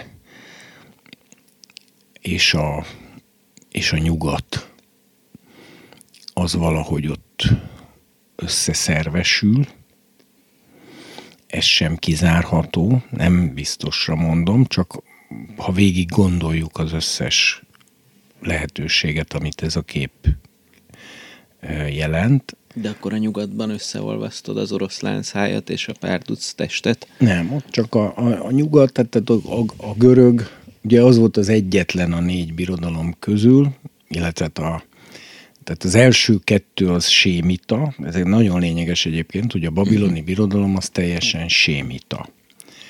Az az aranyfej, az a szárnyas oroszlán, e, tehát az értéke úgymond a legmagasabb. A médperzsa birodalom az ugye félig sémita, félig jáfetita, mert a médek jáfetiták, viszont a perzsák azok sémiták, ez az ezüst melkas, illetve a medve, ez egyel alacsonyabb szintű birodalom, de még ez is egy keleti birodalom, tehát egy közel-keleti birodalom. Izraeltől is mindegyik keletre esik. És akkor ugye nyugatról érkezik a párduc, tehát ő az a azok a görögök, tehát azért mondom, hogy a hiszen a nyugati kultúra az a görög kultúrára épül, hogy ilyen módon a, lehet az a, a tehát akár az egész nyugatra is utalhat. de nem ragaszkodom ehhez, csak mondom, fölvetettem, hogy a, hogy a, a három állatnak a látványos összecsengése a, Na most, ha még jobban megnézzük, akkor az is kiderül, hogy, a, hogy ez a három állat, vagy ebből kettő, vagy akár ha a kígyót is bevesszük, akkor akár négy, az szerepel a Bibliában máshol is csoport, csoportban. Így például az általad az előbb említett Ámus idézetben, ami egyértelműen a nagy nyomorúságról szól, mert azt mondja, hogy jaj azoknak, akik kívánják az Úrnak napját, mire való nektek az Úrnak napja, hiszen az sötétség lesz, nem világosság, még hajnalfénye sem lesz. Olyan az, mint hogyha valaki a medve elől menekülne és oroszlán bukkanna rá, hm vagy, és amikor azelől bemenekül a házba, megmarja a kígyó. Tehát már három állat a jelenésekben felsorolt állatokból, például ebben a képben jelen van.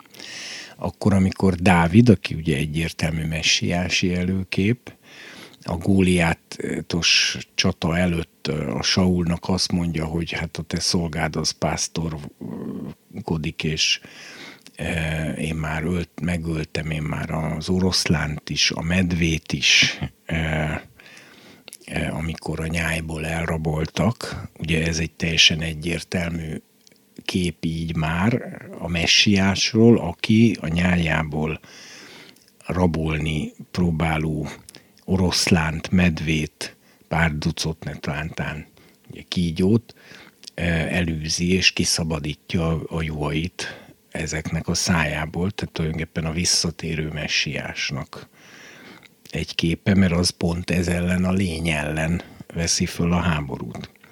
Tehát oda kell figyelni, míg a Bibliában ezen négy állat közül kettő vagy három egyszerre szerepel, mert az valószínűleg egy kódot tartalmaz, tehát egy, egy magyarázatot a az utolsó idők, birodalmára nézve. Ugye szembetűnő, hogy szintén hét feje van ugyanúgy, mint a kígyónak, és tíz szarva szintén ugyanúgy. Hát ezt akartam mondani, tehát akkor ebből a testből kinő az a bizonyos hét fej, kinőnek azok a, azok a plusz dolgok, tehát akkor e, ez az állat, ez lényegében tartalmazza ennek a birodalomnak a pszichológiai eszköz, mindenféle politikai és katonai eszköztárát is egyben jellemző tulajdonságokat? Hát ez nagyon jó kérdés, és valószínűleg elnagyolt formában igent lehet rámondani de ha most nagyon részletesen belebocsát, beavatkoznánk abba, hogy ezeknek a akkori birodalmaknak milyen katonai, politikai és egyéb sajátosságaik voltak, és mit tudom én, akkor azért azt, abban nem vagyok biztos, hogy ez minden részletre menően így kiderül. Az, az úgy tűnik minden esetre, hogy, hogy ugye tehát hét nagyobb egység ből áll össze, mert az a hét, a hét fej, meg a, ja, miért volt négy feje a Dánieli párducnak? Azért, mert a Nagy Sándornak négy hadvezére volt, ami, akik aztán négy utód birodalmat Igen. hoztak létre, tehát az elején úgy kezdődött, vagy hogy mondjam, tehát eleve egy négyes osztatú egység volt, de aztán a Nagy Sándor halála után ez négy különálló állammá, de azonos kultúrával rendelkező e, összetartó birodalmat hozott létre. De most itt is minden valószínűség szerint arról van szó, hogy négy, e, négy vagy hét nagyobb egységből áll össze, de hogy most ezek milyen egységek, azt most nehéz lenne megmondani, de nyilván valamiféle ilyen államalakulatszerűségek. De ez biztos, hogy egyébként, hogy állam alakul. Ja, jó, jó, ezt mondjuk mondtad, de hogy, de hogy azért a modern világban, illetve hát a 21. században, amikről beszélnek a...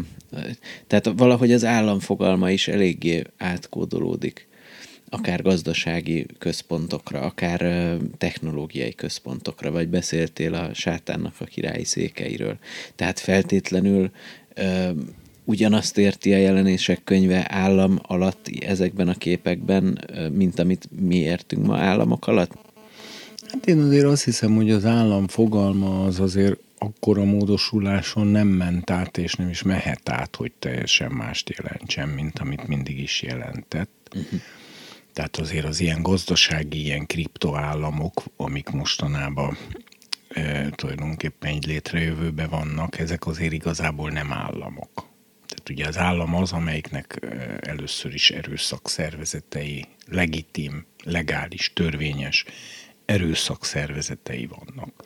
Katonaság, rendőrség, határőrség, büntetés végrehajtás, titkosszolgálatok, stb. Hát igen, csak amiről én beszélek, az például a metaverzumnak a gondolata akár. Biztos olvastál erről a dologról. Nem. A, a lényege az, hogy a Facebook tulajdonosának a, a és ebbe egyre többen becsatlakozó tech óriásoknak és nagy gazdasági hatalmasságoknak a egyfajta olyan álma, amelyet, amely igen közel került a megvalósuláshoz, tulajdonképpen egy virtuális világról van szó, ahol az emberek ilyen, nem tudom, ilyen VR szemüvegeket föltéve, tulajdonképpen mi úgy is készíthetnénk podcast felvételt, hogy valójában otthon ülünk, mégis megjelenünk egymás virtuális világában, csomó mindent csinálhatunk, gondolom bárhogy kinézhetünk, és, és hát igenis azért hát például, ha csak a Facebookot látjuk, akkor azt is láthatjuk, hogy már van ezeknek a birodalmaknak, vagy rendszereknek saját rendőrsége, cenzorai, stb. Tehát saját a belső cenzor is más, de itt az a kérdés, hogy az állam, állam monopóliuma mindenek előtt az a legitim erőszak. Tehát az állam az, ami amióta állam van, azóta az emberek az államnak engedik meg hogy fegyveres erőszakot alkalmazzon. Ezt tekintjük jogszerűnek. Én egyenlőre még nem látom, hogy a Facebooknak ilyen értelembe véve legitim, törvényes katonasága, rendőrsége, titkosszolgálata, határőrsége, büntetésvégrehajtási fegyveres testülete, valamint bíróságai lennének, akik ugye a bűnözőket börtönre, szabadságvesztésre, vagy akármi egyéb büntetésre ítélhetik. Tehát magyarul ezek nem államok.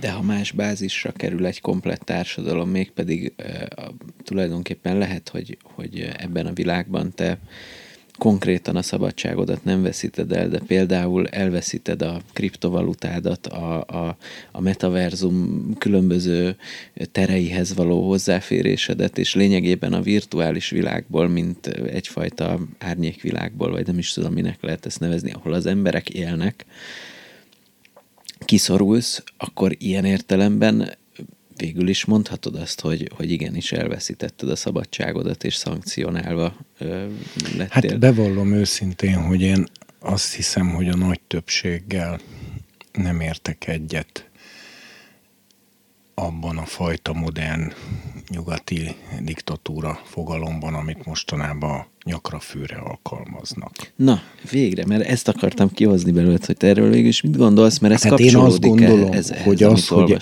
igen, az, hogy valaki letiltanak a Facebookról, e, és hogy nem vehet részt esetleg e, bizonyos olyan előnyök élvezetében, melyekben a különböző közösségi oldalak résztvevői részesülhetnek, illetve az internet felhasználók boldogan részesülhetnek, stb. stb. E, ez, e, ez nem ugyanaz, mint hogyha valakit fegyveres erők letartóztatnak, börtönbe vetnek, netolántán esetleg kivégeznek. Hát Tehát azért azt tisztázzuk, ö, hogy a... Teszt, vagy hogy mondják, amikor, hogy tudod, van, van egy ilyen teszt, hogy letesztelheted, hogy mennyire szabad országban élsz, ha kimész az ország főterére, fővárosának főterére, és elkezdesz kiabálni bármi rosszat a kormányodra, és mi történik? Letartóztatnak, mit tudom én, mit csinálnak. És akkor kiderül, hogy ez milyen, hogy ez diktatúra vagy sem. Ugye az igazi diktatúrát azt az I. és Gyula írja le zseniális módon az egy mondata zsarnokságról című versében, mert az igazi diktatúrának annak az a sajátosság, hogy az teljes mértékben beszivárog az emberek belsejébe, és ahogy mondja, ugye, hogy zsarnokság van még a szerelmes ölelésben is, meg a, meg a, meg a minden, minden tátított a zsarnokság, mert akik, én már csak a Kádár diktatúrában éltem, de de azért ott is el lehetett mondani, hogy az az állandó gyanakvás például, ami, ami ugye állandóan vigyázni kellett arra, hogy bárki lehetett ügynök. Bárki. És, és azért ez egy állandó nyomasztó szorongást okozott, pedig ez már elvileg a puha diktatúra ideje volt, ahol már azért viszonylag kevés embert és nagyon feltűnés nélkül kaptak csak el, vagy végeztek ki, vagy küldtek internálótáborba, de azért előfordult. De az puha diktatúra.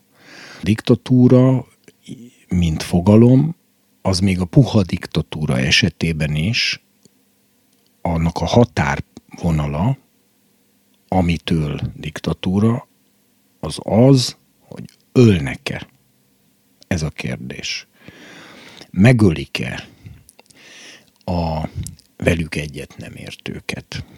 A kérdésem az, hogy ez a te diktatúra fogalmad, ez, ez, te, ez azonos a Bibliának is a diktatúra fogalmával? Hát én nem láttam, hogy a Biblia használná a diktatúra szót, de a zsarnokság szót azt használja, és hogyha megnézed, hogy a zsarnok, a zsarnokot mi, mi, mivel írja le a Biblia, és ugye erre vannak például proféciák, hogy a messiás összetöri a zsarnokoskodót, de ott is van az sokszor, hogy, a, hogy, hogy az erőszakos kezéből a szegényt kimenti, a, a messiás, ott is az erőszakos. Tehát, de egyébként az egész kérdésünk onnan indult, hogy, hogy a hát, hogy ezek metaverz, általad metaverzumnak is nevezett, mit tudom én, virtuális cégóriások, stb. stb.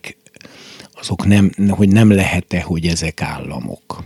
Hát igen, mert ezek saját világokat készülnek építeni. Igen, de egy állam nem attól állam, hogy saját világot épít, az állam attól állam, hogy törvényes joga van az erő, a fegyveres erőszak alkalmazására.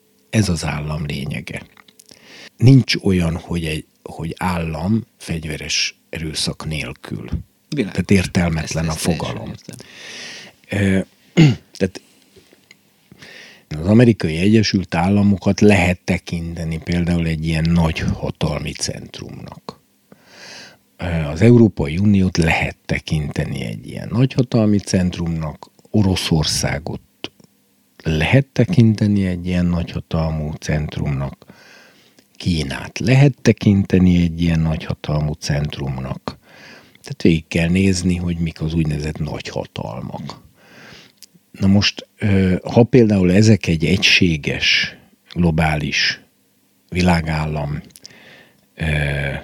létrehozására úgymond összeszövetkeznének, de azért azon belül a saját különállóságukat is megtartanák, mint ahogy ma mondjuk az Európai Unióban pont arról folyik a vita, hogy az, hogy az alkotó államok milyen mértékben őrizhetik meg a saját állami szuverenitásukat, miközben egy szuperállamnak is alárendelik úgymond magukat.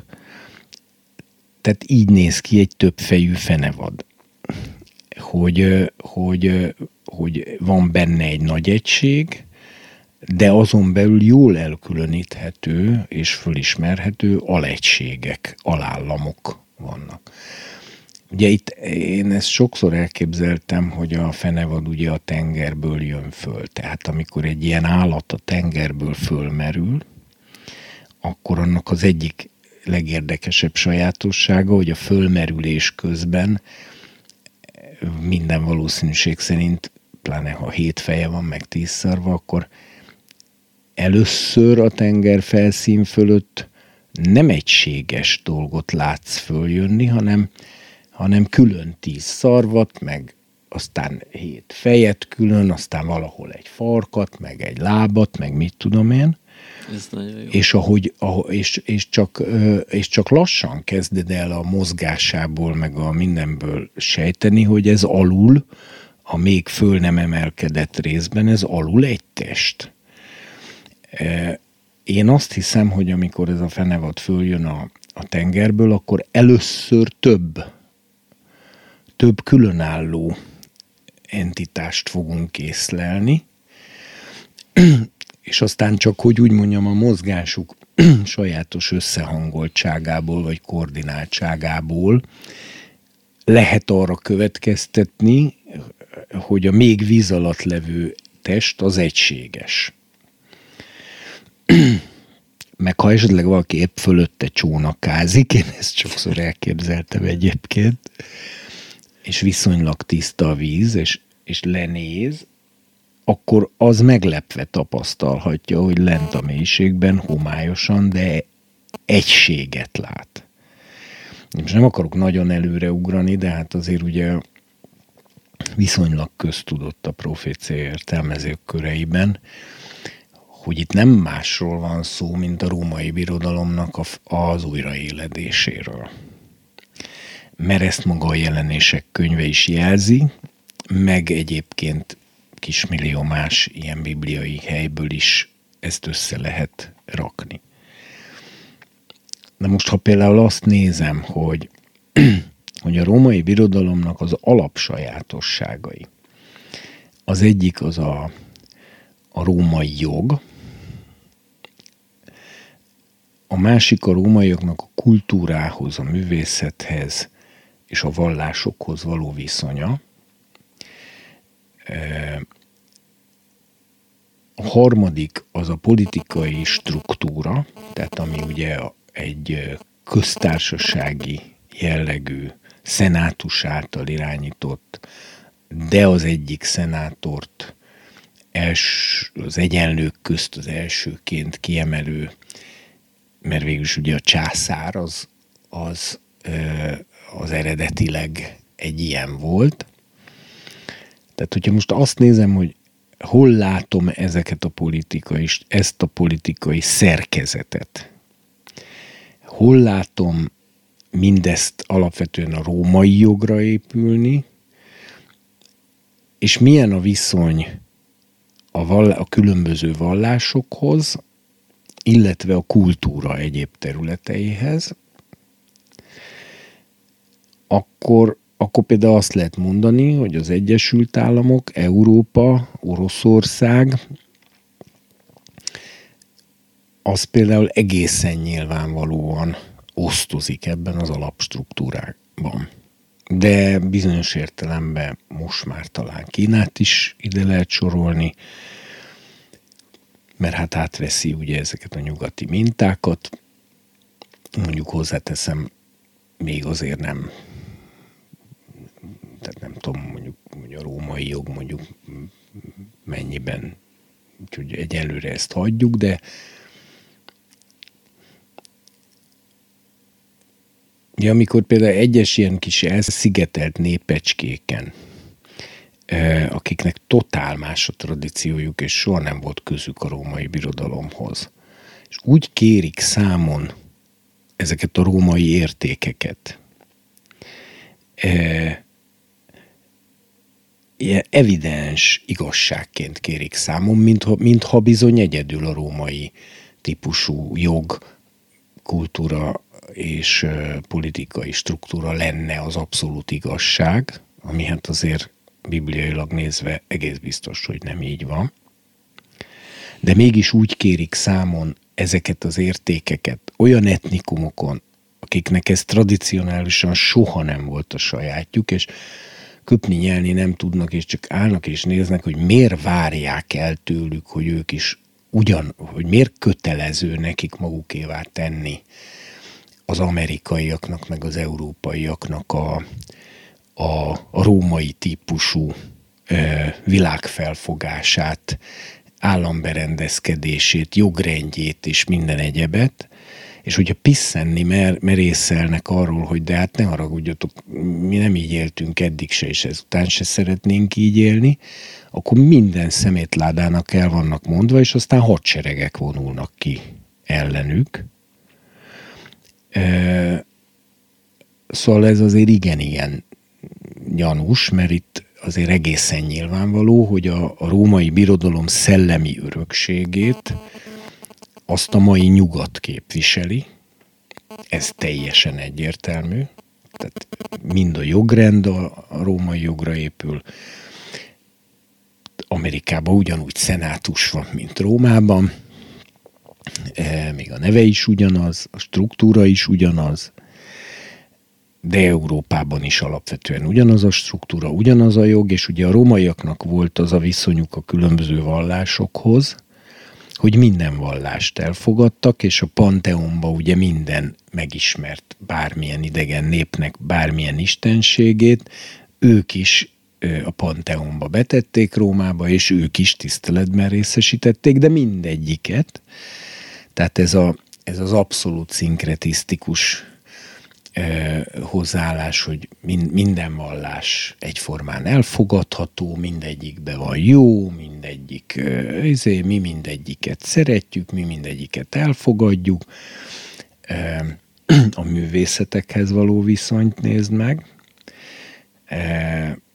Tehát azért nem vagyok benne biztos, hogy az Ószövetségi zsidó társadalomban egy Arisztofanész végjátékot, ahol mű ilyen tehát bőrből készült mondjuk műnemi szervekben léptek föl a férfi szereplők, tehát ilyen fölkötött ilyen köté, mert hogy azt kívánta meg a darab humora. Ezt Görögországban minden további nélkül elő lehetett adni, és a jókat nevettek, meg a, meg a latin-római vigyátékírók is hasonlókat.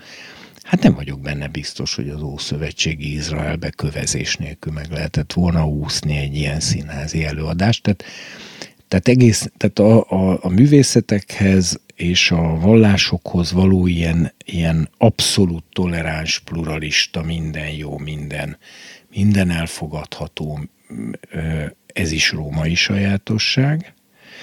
A, a jogrend, újra mondom, nagy értékek vannak egyébként a római jogban, tehát én most nem ez ellen ágálok, csak azt akarom mondani, hogy teljesen egyértelmű, hogy a római birodalom alapstruktúrái azok élnek és virulnak a nyugati e, kultúrában. És szemünk előtt zajlik az, hogy a nyugat mindezen eszméit, ha kell, tűzzel, vassal, igyekszik rá kényszeríteni olyan népekre, amelyek, amelyeknek a tradíciójától ez mindig is rendkívül távol állt.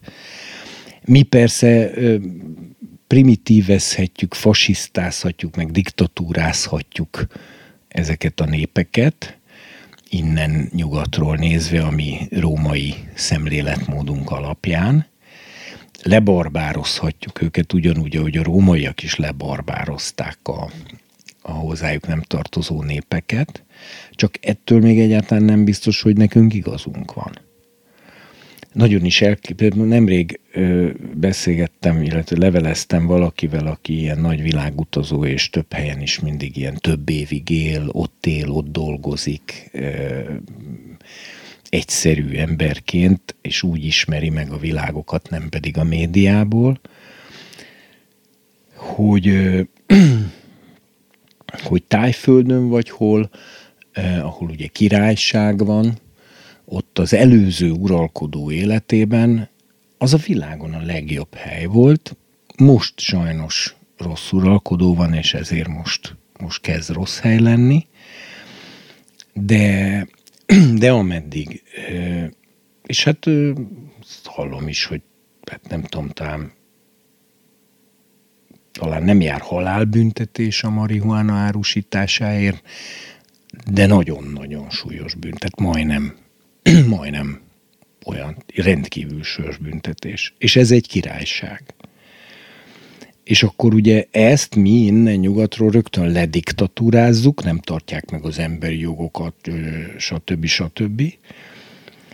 De hát azért, azért észre kell venni, hogy ez a római birodalomnak az ideológiai hódítása. Tehát most nemrég hallottam ezt a vicces megfogalmazást, hogy négy amerikai elnök, 20 billió dollár,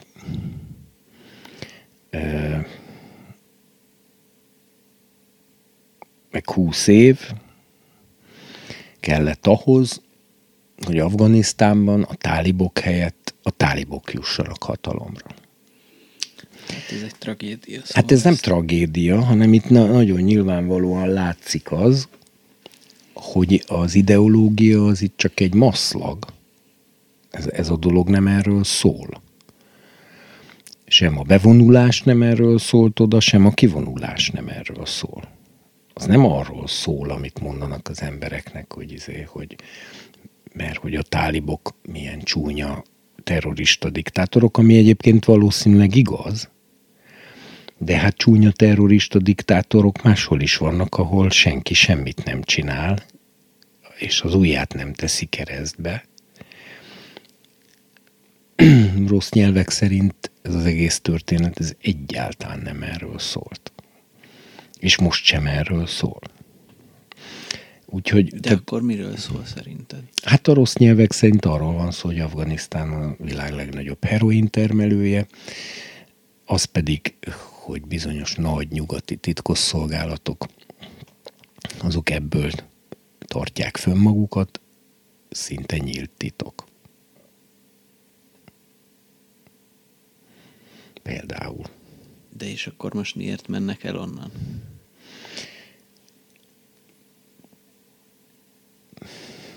Szerintem most de bocsátkozzunk az afgán helyzet részletes elemzésébe is, meg azért el is ismerem, hogy nem. Akkor engem érdekel, hogy te erről mit gondolsz.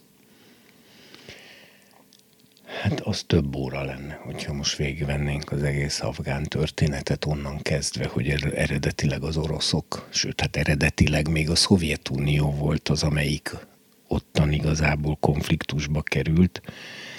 Aztán nagyon úgy tűnik, hogy az amerikaiak odalépése az nem a tisztán az az erkölcsi izé volt, hogy ennyi menjenek kelljen burkába öltözni az összes nőnek, e, mert akkor sérülnek a szabadságjogaik, hanem, hanem inkább a e, részben a Szovjetunióval szembeni e,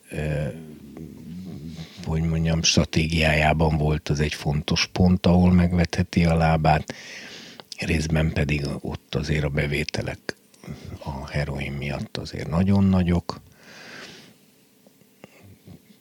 e, és aztán nyilván, hogy mondjam, lejárt az üzlet, vagy tehát, hogy mondjam, tehát már nem éri meg, és akkor de mindegy, én most ezekben nem szeretnék mélyen belebocsátkozni, nem csak azt akarom mondani, hogy ismét visszatérve az eredeti témánkra, hogy azért akárhogy is nézzük, a jelenések könyvéből egyértelmű, hogy a római birodalom újjászületett alakja az az antikrisztusi birodalom. Ezt én százszázalékosan biztosnak merném mondani, mert a Bibliának több helye is ezt védhetetlenül egyértelművé teszi. Ha most megnézem, hogy a római birodalomnak ez a tenger alatti, még föl nem jött egységes struktúrája, ez milyen olyan már látható politikai entitások hátterében áll, amik egyelőre külön entitásként jelennek meg különböző pontokon. De az alapstruktúrája zsigerileg, tradicionálisan, mélyen a római, akkor tulajdonképpen azt, tehát ott vagyok a csónakba, egy balra tőlem látok egy szarvat 30 méterre, amarra 100 méterre két másik szarvat, ott följött, fölcsap egy farok egy kilométerrel arrébb, de ha lenézek a csónakból egyenlőre még a víz alatt, akkor mindezek alatt egy egységes struktúrát látok. Ami egyelőre a felszínen egységként még nem jelent meg, ö, hanem egyenlőre országhatárok és sőt ellentétes érdekek feszítik, de az mégis világos, hogy az alapstruktúra legalul az mindegyiknél ugyanaz, és hogy láthatók is azok az egységesülési törekvések, amiben keresik is egymás kezét ezek a különböző pontok abban, hogy mivel a mi kultúránk, civilizációs fundamentumunk ugyanaz, ezért fogjunk össze. Most ugye, hogyha nagyon nagy krízis áll be, már pedig a e, eddig olvasott 14 ha jól tudom, más már meg volt a 14 csapás mindössze három és fél éven belül, és azért ott volt olyan, mint aszteroida becsapódás, járvány, háború, ö, gazdasági válság, stb. stb. És ez időrendben azok után játszódik, amit most olvastunk? Hát ö, részben párhuzamosan játszódik, de azért van okokozati összefüggés, mert ugye az emberek mindig akkor követelik meg az egységesülést és az erős, erős vezetést, amikor krízis helyzet áll elő. Ezt most látványosan meg lehetett figyelni a járvány alatt, mint ahogy minden országnak a, a törvényei tartalmazzák is azt, még a legszabadabb országok törvényei is, hogy a rendkívüli állapot esetén az emberi jogok arányos és szükséges mértékben korlátozhatóakká válnak. E, egyszerűen a közösség megmentése érdekében. Ez amikor New Orleansbe volt a, a az a nagyon nagy, nem is tudom, árvíz volt, vagy micsoda ott a Mississippi, vagy nem tudom, tehát volt valami pár évet 5-10 éve valamilyen nagyon nagy katasztrófa, amikor a, egyből el is rendelték a rendkívüli állapotot. Ez teljesen evidens, amikor nagy katasztrófa éri e, az emberiség valamelyik közösségét, akkor ott jogot nyer a vezetés a centralizálásra és az úgymond keménykezűségre, tehát a statári, akár a statáriális állapotokra. Ugye mit tudom hogyha például a ott New Orleansben emlékszem az volt, hogy aztán ilyen fosztogató bandák indultak el e, gyorsan kifosztani az, a boltokat, és akkor ilyen helyzetben ugye a rendőrség egyből kap olyan felhatalmazást, hogy adott esetben, mit tudom én, egyből lőhet.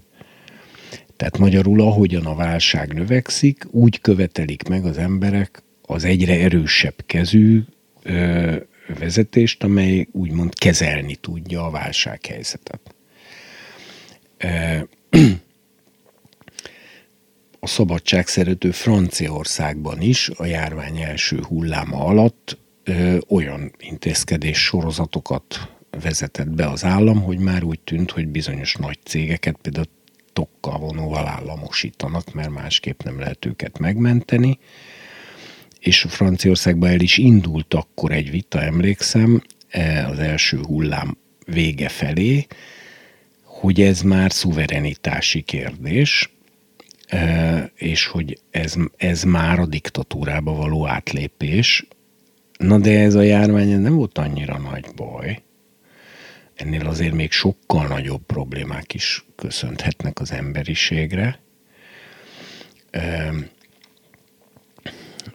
Pláne ha egyszerre több is jön, és akkor az emberekben hatalmas mértékben megnő az a követelés, hogy erős és egységes vezetés álljon fölöttünk, és annak tulajdonképpen mindent megengedünk annak érdekében, hogy megmentsen minket.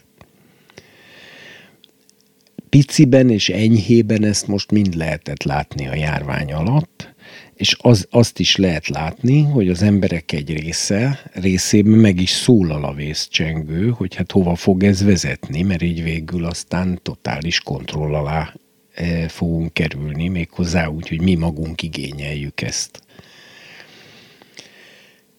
Ezt csak azért mondom, mert a, a, a, az antikrisztusi birodalom fölemelkedése, meg az utolsó évhét első felében lezúduló 14 egymást követő komoly csapás, ahol újra mondom azért aszteroida becsapódás is van, járvány, háború, gazdasági válság, földrengések, időjárási katasztrófák, stb. stb. Most hallom egyébként, hogy a golfáram is bajban van, és hát ha a golfáram kikattan, akkor akkor, akkor mindenek vége, tehát akkor New Yorkban mínusz 40 fok lesz. És... Igen, illetve pont tegnap éjszaka, ilyen késő este láttam egy cikket, hogy, hogy Grönlandon először esett eső, nem tudom hány év, óta, és hogyha onnan elolvad az összes jég, ami most nem tudom, viszonylag hamarosan várható, akkor, akkor a tengerszint akár több méterrel is megemelkedhet. És Hollandiának annyi, hát nem, hát nem meg, meg még nagyon hanem... sok helynek, igen. Igen, hát ez, ez is régóta fenyeget. Értem, amit mondasz. A, a, az a fajta dolog, ö, ami ugye szerepel a vadállat kapcsán, hogy ezeknek a feje, ezeken a fejeken, amiken most mindegy, hogy milyen elosztásban különböző szarvak, de mindegyiken diadémok találhatóak, a káromlás neve látható, a görögül a blasfémia szerepel ott, az az, az adja meg azt a fajta töltést, ami, ami keresztény és zsidó ellenessé teszi? Hát kifejezetten Isten ellenessé. Isten ellenessé. De mi az a, mi az a név? Mi a káromlásnak a neve? Hát azt így nem tudom megmondani, ez majd akkor fog kiderülni, hogyha e, tehát ezt, ezt, ezt így nem tudom megmondani, de amit erről most tudhatunk, az az, hogy mindenképpen szoros összefüggésben áll a hétfej a, az istenkáromlással is. És ebbe benne van. Egy, ugye azt a Dániel írja az antikrisztusi birodalomról, ami ott ugye a negyedik iszonyú vadállat, az tulajdonképpen ugyanaz az állat, mint ez. E, és arról írja azt, hogy véli, hogy megváltoztatja az időket és a törvényt.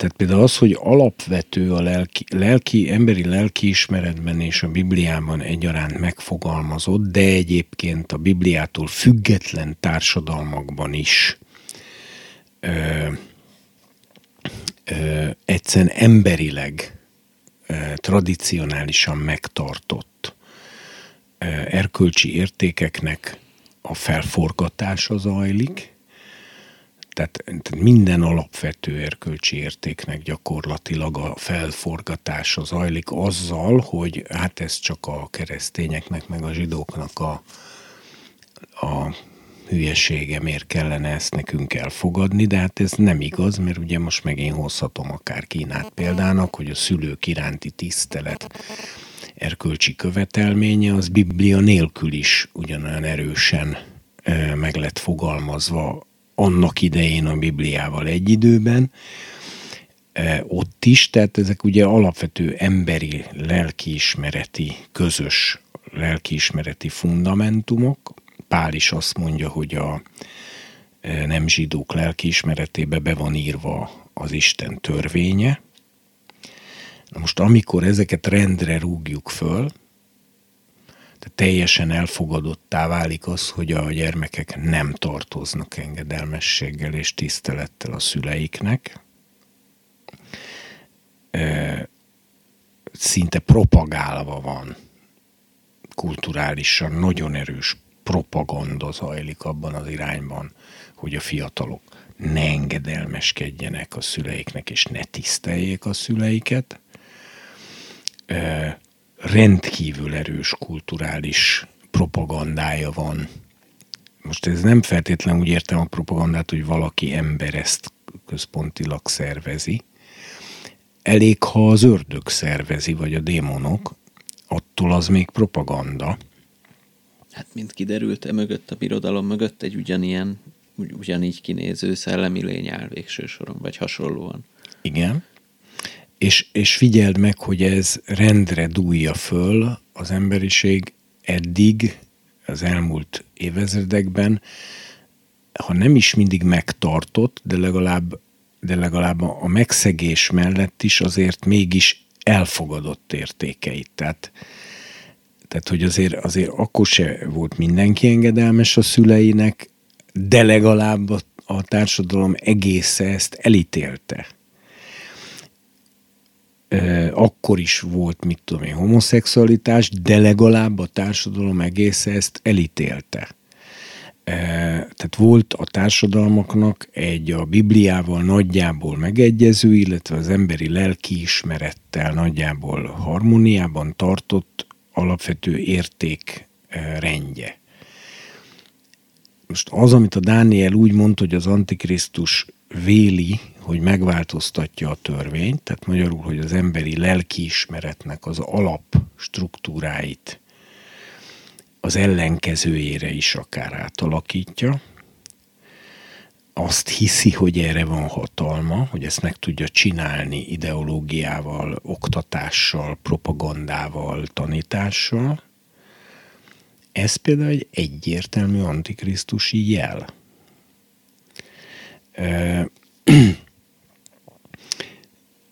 A házasság intézményének a szétrombolása és relativizálása helyette a paráznaságnak, mint életformának, tehát ugye a szingli életforma és a paráznaságnak a felmagasztalása. Tehát az emberi életnek az alapértékei, alaperkölcsi elvei és alapstruktúrái ösztűz alá vannak véve.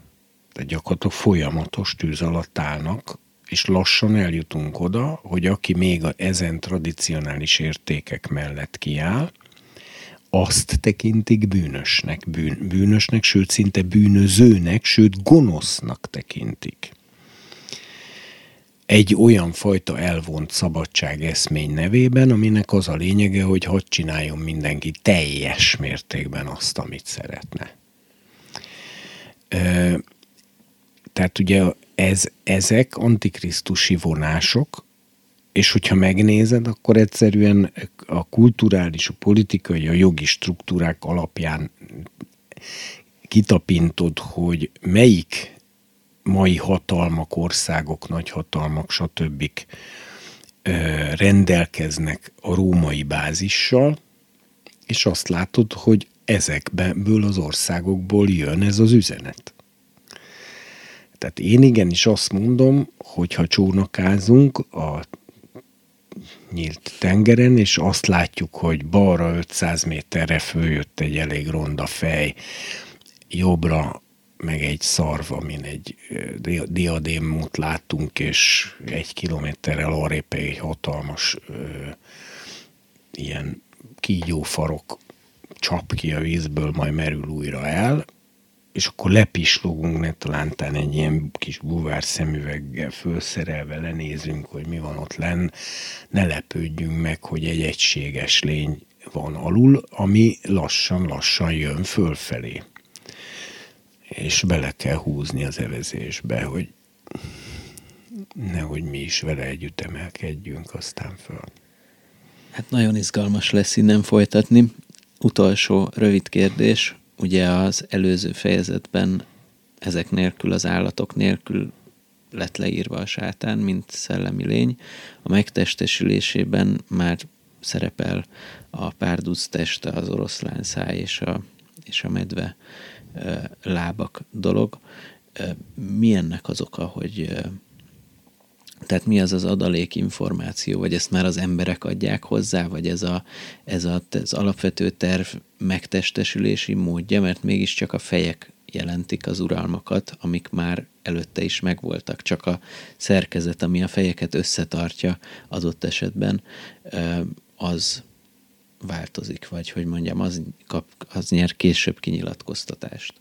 Mi, ennek a különbségnek mi a lényege? Az értelmezés szempontjából a döntő különbség az, hogy a kígyó az egy szellemi lény, az összes fejével és a szarvával együtt.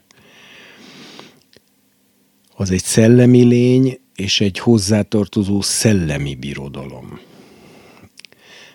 a tengerből följövő fenevad az egy politikai valós, egy politikai entitás, az egy földön megvalósuló konkrét birodalom, egy globális birodalom, egy globális sá növő birodalom. Ugyanúgy megtestesül, ahogy pozitív esetben a Szent Sátor tükrözi a mennyben látott dolgokat. Mi az oka annak, hogy itt van ez a ez a test dolog, ami a kígyón nincsen rajta. Miféle részét képezi ez, vagy pedig... Ez két külön lény. Ez nem egy lény. Ez ugyanolyan, mint az atya, a fiú, meg a szent szellem. Mondhatod, hogy egy Isten, de az atya, az sose volt a fiú, sose lesz. A fiú, az sose volt az atya. És soha nem is lesz az atya a Szent Szellem soha nem volt se az atya, se a fiú, és soha nem is lesz az atya és a fiú. Ez három öröktől fogva és mindörökké külön személyiséggel bíró lény, akik egy együttműködésben vannak. És egység, egyek, de nem abban az értelemben, hogy a személyiségük összefolyna. A kígyó az a sátán.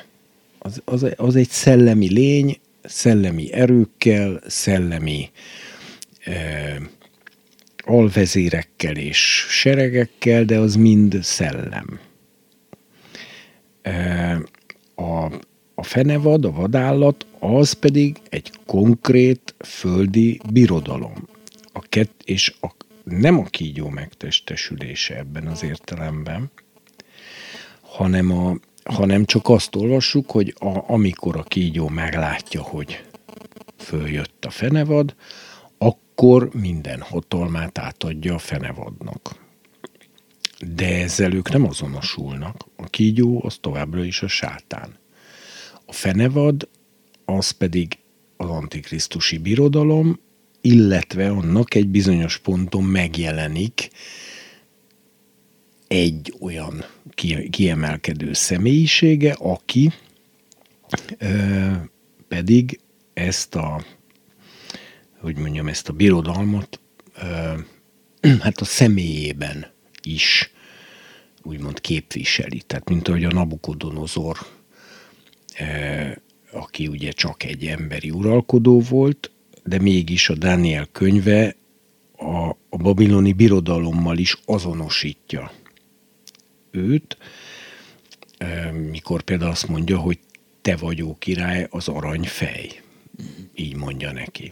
Igen. Utánat pedig másik birodalom támadott, meg már a birodalmat használja. Tehát ugye a, a, a személyiség, meg a e, tehát az emberi személy, meg az általa, de a Hitlert sem tud elválasztani a, a, a náci német harmadik birodalomtól az össze vannak forva. Stalin sem tud elválasztani a sztálinizmustól.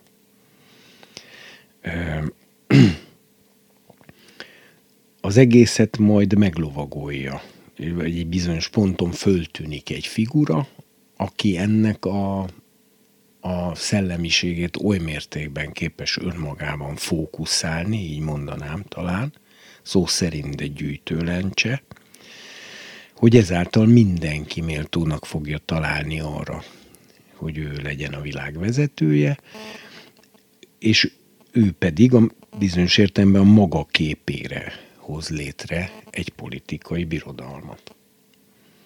És a, a vadállatot azt, azt, nem, azt nem a sátán hozta létre, hanem egyszer csak felismerte a felemelkedését, és hogy ez alkalmas lesz ez a rendszer arra, amit ő szeretne? Hát ez a vadállatról ugye később megtudjuk, hogy ez a vadállat már volt. És nincs, de mégis van. És itt van az a titok, amit mondja, hogy csak azok értenek meg, akiknek a nevükbe van írva az életkönyvébe. Hogy tudnilik, tehát azt értsd meg, a Dániel látomásában, többszörös látomásában, szobros látomás, állatos látomás, stb. Mindenhol tökéletesen egyértelmű, hogy a, a, a messiásig még négy birodalom van hátra. Ebből letelt a babiloni, letelt a, a médperzsa, letelt a görög, jött a római, és itt kezdődik a nagy csodálkozás, mert aztán a római birodalom, bár relatíve is iszonyú hosszú ideig állt fönn a többihez képest, de végül úgymond eltűnt a történelm színpadáról, és akkor mindenki megkérdezi, hogy, hogy na de hát utána még jött a mit tudom, a mamelukok, meg a Szovjetunió, meg a kismillió egyéb birodalom jött még azóta, e, iszlám kalifátus, e, spanyol gyarmatbirodalom, rengeteg birodalom volt. Hogy mondhatja azt a Biblia, hogy a római birodalom e, után vége a történetnek, és a messiási birodalom jön? Ez a nagy kérdés. most a, a poén tulajdonképpen az egészben az, amit a jelentésekből ebből lehet megérteni, hogy itt van a titok, hogy volt, nincs, és mégis van. Hogy a római birodalom az csak ideiglenesen merült le a tenger alá. Először lemerült az egységes teste, és különálló fejek és szarvak és kígyófarok és mit tudom én micsoda merült el utoljára, mert ugye először széthullott, de a romjain fennmaradó és létrejövő nem ilyen kisebb államok, mit tudom én, frank birodalom ilyenek, ezek mindegyik megőrizte a római birodalomnak ezt a bizonyos alapstruktúráját. Az egész elmerült, és 2000 évig nem volt a tenger alatt, a népek tengere alatt. A felszínen mindenféle zsonglőrködés zajlott a különböző államok, háborúk, országok, nemzetek, nemzetállamok, mit tudom én, ideológiák jöttek, mentek, de figyeld meg, hogy az egész itt az európai területen, meg utána már az észak-amerikai területen, nem lépett ki abból a körből, amit a római jog, a római államberendezkedés és a rómaiak viszonya a művész, a kultúrához és a vallásokhoz jelentett. Csak az egységét vesztette el. Na most az, hogy az idők végén a római birodalom újra följön, és ugye azt mondja, hogy mindenki csodálkozni fog ezen, akinek a neve nincs az életkönyvébe beírva, mert igaza van a Dánielnek. A messiás végső konfliktusa az a római birodalommal van részletesen bele lehetne abba menni egyébként, hogy, hogy bizonyos értelemben a kereszténység volt az, azaz a messiás, amelyik egy olyan ütést vagy döfést vitt be a, a birodalomnak, amitől elsüllyedt. De nem azért, mert megdöglött, hanem, hanem csak a mélyben gyűjti az erejét, hogy na majd jövök újra, és majd akkor biztosan fog győzni. Tehát az, amit a Dániel úgy mond el, hogy négy állat van, és az ö, babiloni, Médperzsa görög, és utána az iszonyú vadállat, ami egyébként úgy mondja, megeszi az egész földet. Tehát itt ki van mondva, hogy ez egy globális hatalom. De a római birodalom nem vált globális hatalommá, viszont a kereszténység úgymond elsüllyesztette, bár egyébként igazából nem a kereszténység süllyesztette el, hanem a népvándorlás, de most ez nem is, de azért mondjuk a kereszténység is tett érte.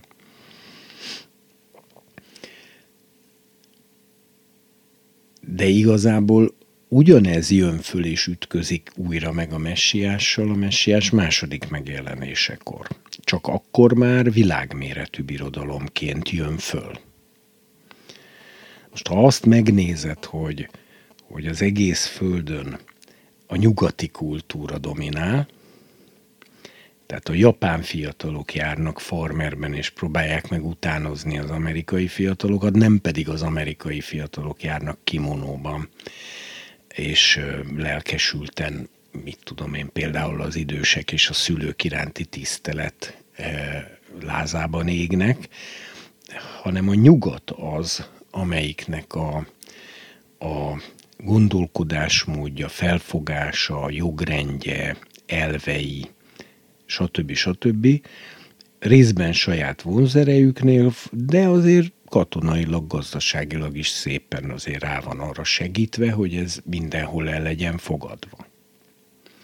Én, én lelkes híve vagyok az emberi jogoknak például, de azt, hogy az emberi jogokat fegyveres erővel kell rákényszerítenünk olyan országokra, amelyekben ennek nem volt tradíciója, és valahogy ma se értik, hogy ez miért ennyire fontos, és akkor oda vonuljon az amerikai tengerészgyalogság, megszállja az országot azért, hogy ott az emberi jogok érvényesítve legyenek, ez azért kissé visszatetsző. Tehát tehát azért a nyugat nem annyira ártatlan, azért az óriási katonai erővel képviselteti magát, a legnagyobb katonai erővel képviselteti magát ott, ahol úgy érzi, hogy képviseltetni kell magát. Tehát, ami szintén Róma. Hát Rómának a felemelkedése az a légiók és a légiós hadviselés kitalálásán alapult. És vasfoga van, a, az állatnak. Ugye vas az a fegyvernek a szimbóluma, sőt a vasláb, ami ugye a szoborban a vasláb, a vas az, az a fegyvernek a szimbóluma mindenhol a Bibliában, és a római birodalomnak ugye az ereje az a légiókban állt. A és lé... a cserép az micsoda, amivel össze van keveredve? Hát az egy újabb hosszú történet lenne, de a cserép az egyébként ugye az az, az emberi természetet jelenti, e, mert az ember az cserép, tehát agyagból van, a testünket rendszeresen cserépedénynek, vagy személyiségünket cserépedénynek nevezi. Még, még a szó is összecseng, mert Adam, ember, Adamá, az ugye a, a föld, de egyébként latinban is a homo, az ember, és a humus, a föld, tehát hm. ott is összefügg. Én az agyagot, azt a human, humanizmus, tehát az emberség, az emberszerűs, az em, emberségesség, de ugye az egy szent dolog, az ilyen értelemben földből építhetsz oltárt, kőből is, de vasból nem, és ha vas hozzáér a te föld vagy kőoltárathoz tisztátalanná teszi az oltárodat. Nekem az a véleményem, hogy a, a, az, hogy a láb ugye fölül vas, de aztán lefelé a lábszár és a lábfejek felé egyre több agyag van a vasba keveredve, az az én véleményem szerint azt jelenti, hogy a római birodalom eredeti vas természete, hogy így mondjam, az belett injekciózva valamiképpen humanizmussal, emberséggel, és szerintem ezt csinálta a kereszténység, meg a diaszporába sodródó zsidóság.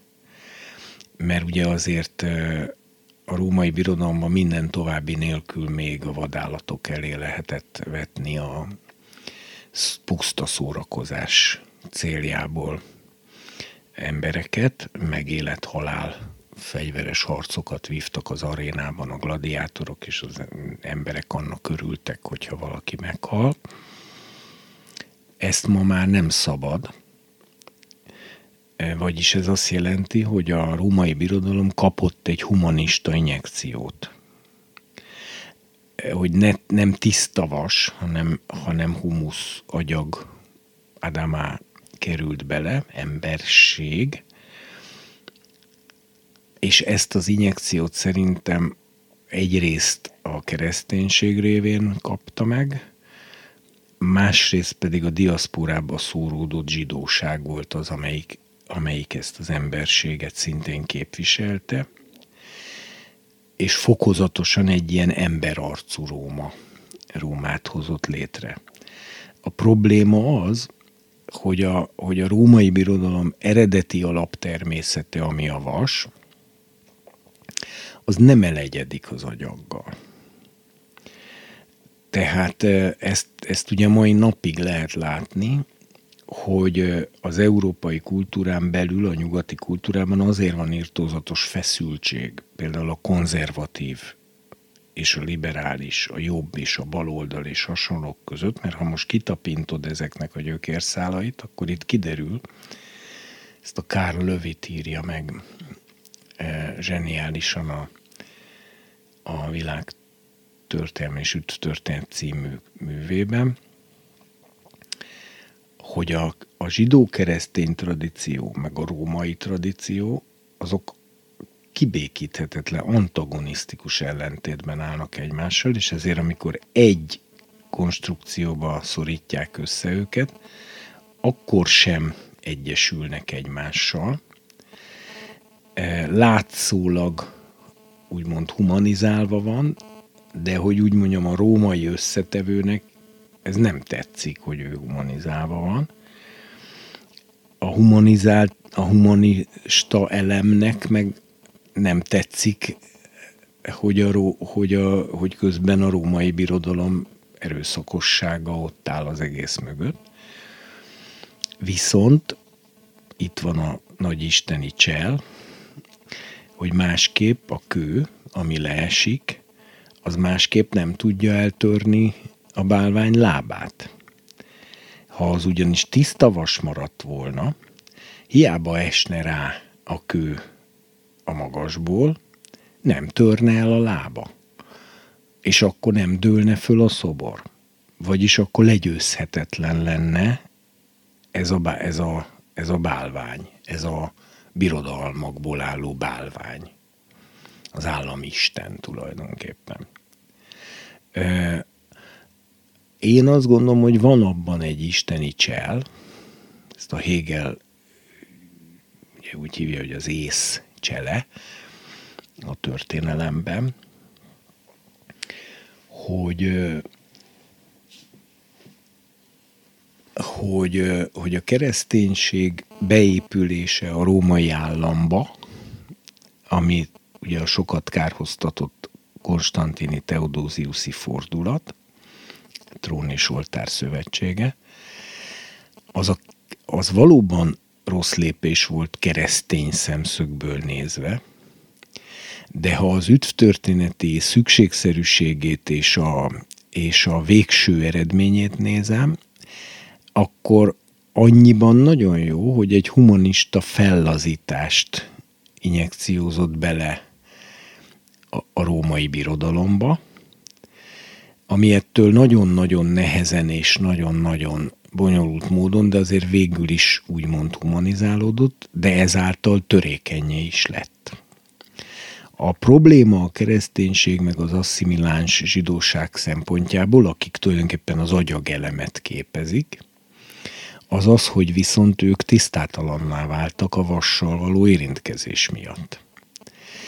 Magyarul itt egy olyan érdekes jelenséget lehet látni, hogy egyfelől végső soron az Isten célját fogja szolgálni az, hogy a diaszpóra zsidóság és a ö, államizálódó kereszténység az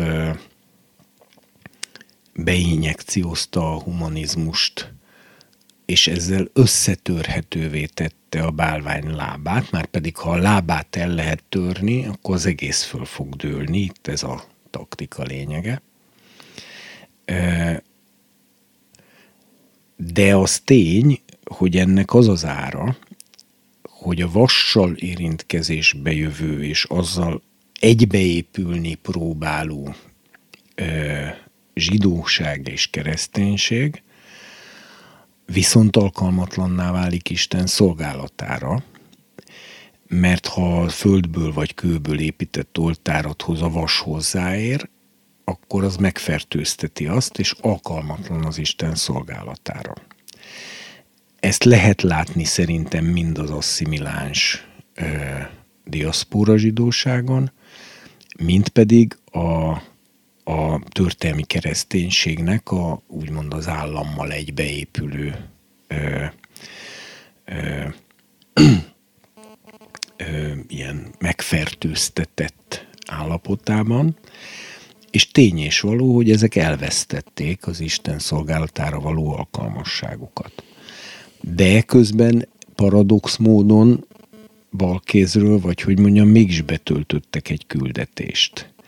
Ez pedig az, hogy a humanizálással, például az emberi jogok eszméjének a, e, a, a beinjekciózásával törékenyé tették a vaslábakat, e, és tulajdonképpen ez biztosítja azt, hogy a messiás, amikor másodszor eljön, tehát amikor a kő lezuhan a a szobor lábára, akkor az el fog törni. Különben az a helyzet, hogy nem törne el. Örökké állna a bálvány.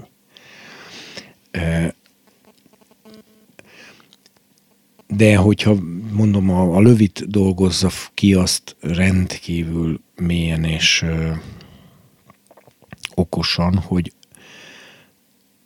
tehát nem a vasagyak, hanem a maga a kereszténység, illetve a zsidó keresztény hogy mondjam, kinyilatkoztatás, és ez az egész római birodalmi állami valóság, hogy ezek, ezek elvi összeegyeztethetetlenségben vannak. Elvi össze. Tehát, amit a Dániel úgy fogalmaz, hogy, hogy összekeverednek, de nem tudnak egyesülni. És akkor ez az oka annak végső soron, hogy a sátán miután nem tudta egyszerűbb módon elpusztítani a zsidóságot, ezért megpróbálja eltüntetni ennek a bálványnak a, az agyag vagy cserép részét abban a pillanatban, amikor a diaszpora zsidóságot és a kereszténységet ellenfordul a Hát igen, által. ez is benne van, és nem véletlen, hogy a Hitlernek is, tehát hogy ő is ugye úgy látta, hogy hogyha a kereszténységet és a zsidóságot sikerül teljes mértékben kizárni a, a birodalom szerkezetéből, akkor állítható helyre az ókori pogány birodalom. Tehát ő ezért is nevezte ugye a harmadik birodalomnak a és ugye az már Nietzsénél megvolt, meg, a, meg az egész náci eszmerendszerbe aztán, hogy az őspogány tartalmakhoz kell visszatérni. Tehát a... Hát igen, csak most viszont éppen a humanizmus az egy sokkal szimpatikusabb dolog, mint az ősi pogány vallásokhoz való visszatérés. De mégis a humanizmus és a zsidó-keresztény kinyilatkoztatás az, az, az, az nagyon sok szempontból rendkívüli módon eltér egymástól. Hát igen, mert a zsidó keresztény kinyilatkoztatásat maga egy tiszta eredeti formájában az a kő, ami lezuhan és összetöri a bálvány lábát, amiben ott az agyag, és az agyaggal önmagában nincs probléma, az agyag és a kő lehetnének jobban, mert, a fö, mert földből, így mondja a Tóra, ha oltárt építesz nekem, földből vagy kőből építsd azt. De a faragó vasadat ránevessed, mert amint rávetetted, megfertőztetted azt alkalmatlan az Isten számára. Vassal nem érintkezhet. Önmagában az agyag és a kő jóba lenne, csak itt mivel az agyag beépült, nyilván nem az összes agyag, mert most ha úgy nézem, akkor a szobor is nyilván a földön állt. Én ezt egyszer úgy fogalmaztam meg, hogyha nem épülünk be a, mint agyag, mint ember a, a vas rendszerbe, akkor csak egy hely maradt számunkra a talpa alatt. Tehát, és itt visszajön az a kérdés is, amit te mondasz, hogy hát aki be akar integrálódni, az nem, hogy mondjam, tehát még a bensejében sem őrzi meg a, a távoltartást, ö, hanem szívvel, lélekkel be akar integrálódni ebbe a mai nyugati civilizációba, az tisztátalanná vált és használhatatlan az Isten számára. Ha viszont nem akar beintegrálódni, akkor a szobor rálép. Akkor rajta áll. Az szenvedéssel jár. Az a hős, hősnek a helye. De az a föld, az az agyag, amin a szobor áll, az legalább jóban van a kővel és várja, hogy mikor esik már le a kő, és töri le rólam ezt az egész szörnyűséget, amiben ráadásul be vannak épülve a saját agyag testvéreim is, és onnan integetnek, hogy gyere, itt nagyon jó nekünk. Mert én úgy gondolom, hogyha valaki az emberséghez is, és a kőhöz, tehát a kinyilatkoztatáshoz is hűséges kíván maradni, az ezt az egész struktúrát, ami ma már most fölöttünk van, az valójában elviselhetetlennek te tudja csak érezni. Ma pont találkoztam egy világi ismerősömmel, aki teljes mértékben magától anélkül, hogy én bármiféle, hogy mondjam, motivációt ehhez nyújtottam volna, magától elkezdett arról beszélni, hogy borzalmas világban élünk. Borzalmas világban. Hát ez egy nagyon szép végszó volt. Hú, de szép. De tulajdonképpen, aki ezt nem így érzi, az, annak el kell azon gondolkodni, hogy nem épülte be. És az azért veszélyes, mert lehetek én nagyon agyagszerű, tehát nagyon emberséges és humanista lehetek, de ha én ebbe a vasrendszerbe beépülve vagyok emberséges és humanista, maradhatok is emberséges és humanista egy darabig, és egy határig. Most ez alatt nem azt értem, hogy nem kell menni dolgozni, meg pénzt keresni, meg ilyenek. De az Isten szolgálatára való alkalmasságot elvesztettem akkor én sejtettem, hogy nem lesz egyszerű, amikor erről a birodalomról elkezdünk beszélni.